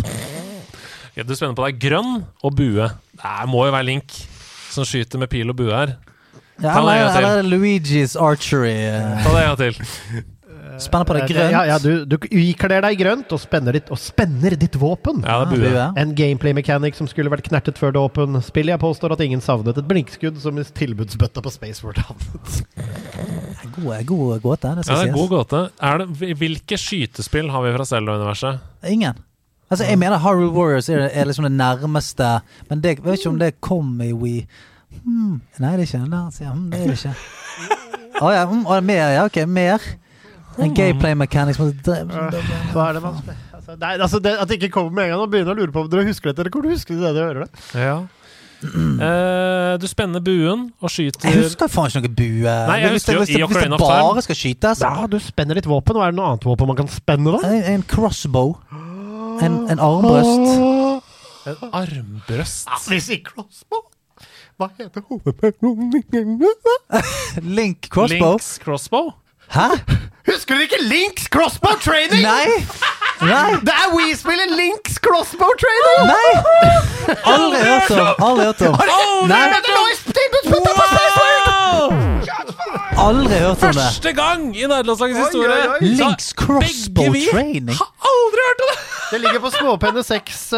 eh, Links Crossbow Training er et videospill fra 2007, utviklet og utgitt av Nintendo Wii spillkonsollen. Det ble levert sammen med Wii Zapper-utstyret, og var den første tittelen som brukte den. Spillet ble utgitt over hele verden i 2007. Wii Zapper, var det den der gun-moden? Ja, ja, ja. Links crossbow training. Det er Der. det beste som har skjedd i Kojima-sonen. Altså, her må jeg gi en shout-out. Du får så mye Korvjima Ja, men Den må deles, fordi jeg var i dag tidlig hvor jeg satt og skulle sysle med denne rundt frokosten, og det Ah, var ja. Jenny som sa 'hva med Ah. Links Ja, men den Crossbow er, den, er, den er er sterk. er Jenny Jordal, du hører på. Uh, du er på en måte et slags skyggemedlem av nederlandslagene. Ja, Ghostwriter. Ja, det er som det femte Beatle. Men Links Crossboard Training er et spill jeg, i hvert fall jeg ikke hadde tenkt på på noen år, og dere har aldri hørt om! Aldri hørt om Nei, aldri hørt om. Dere får. Fantastisk. Sjekk ut det. Takk for deg, Sebastian. Takk. til deg, Hidio Kojima. Takk til deg, Jenny Jordal.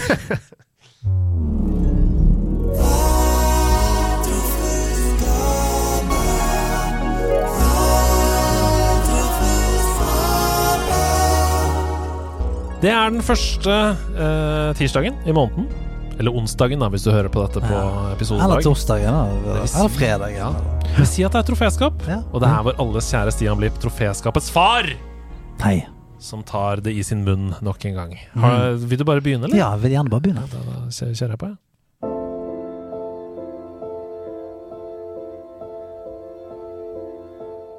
I jazz så sier de at det er mye musikk i stillheten mellom instrumentene. Noen ting er nesten best sagt ved å ikke si noe i det hele tatt. I en travel hverdag så er det den tomme kalenderen som virker mest forlokkende. Dette usynlige som foregår innimellom alt, er ganske viktig.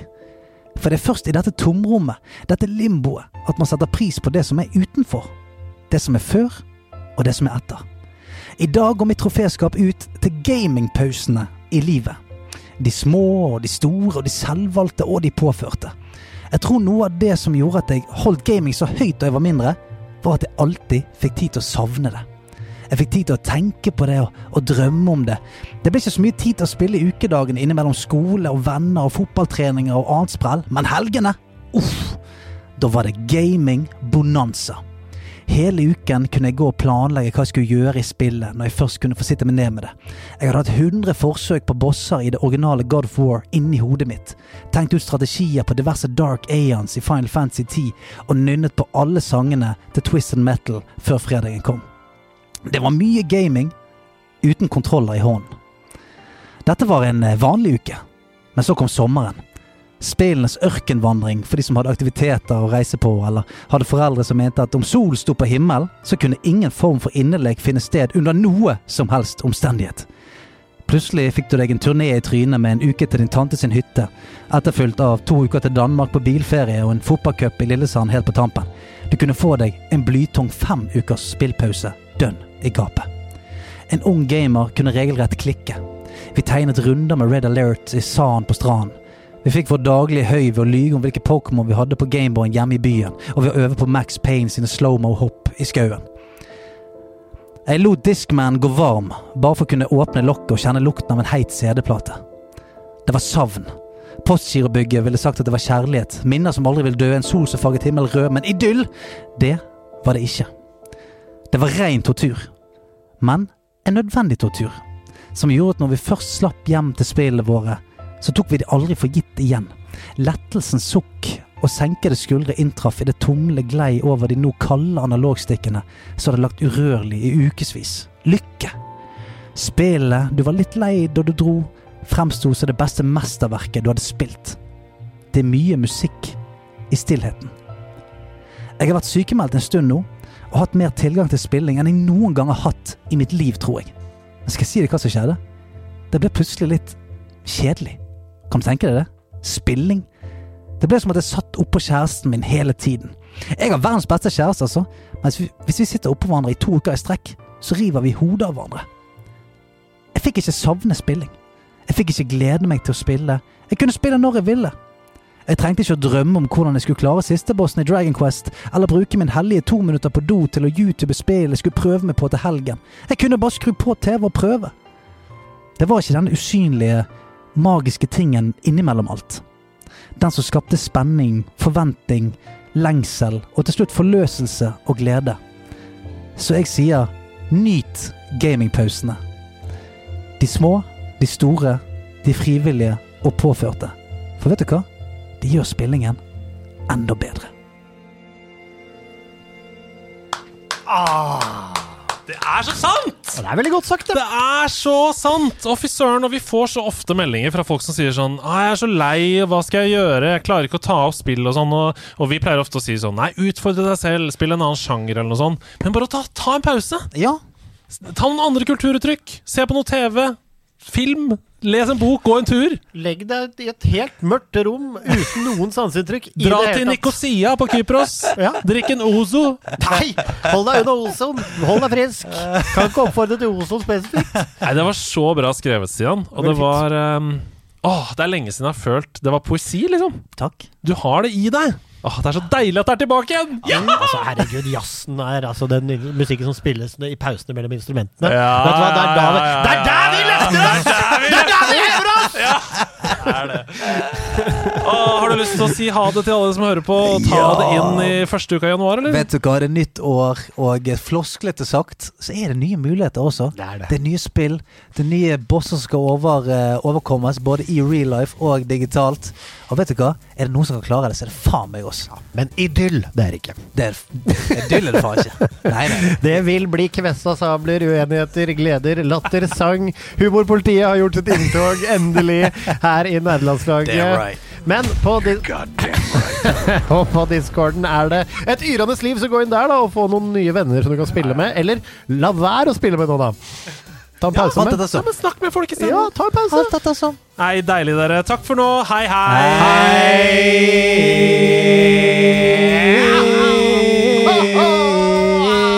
Hei jo, hei hå.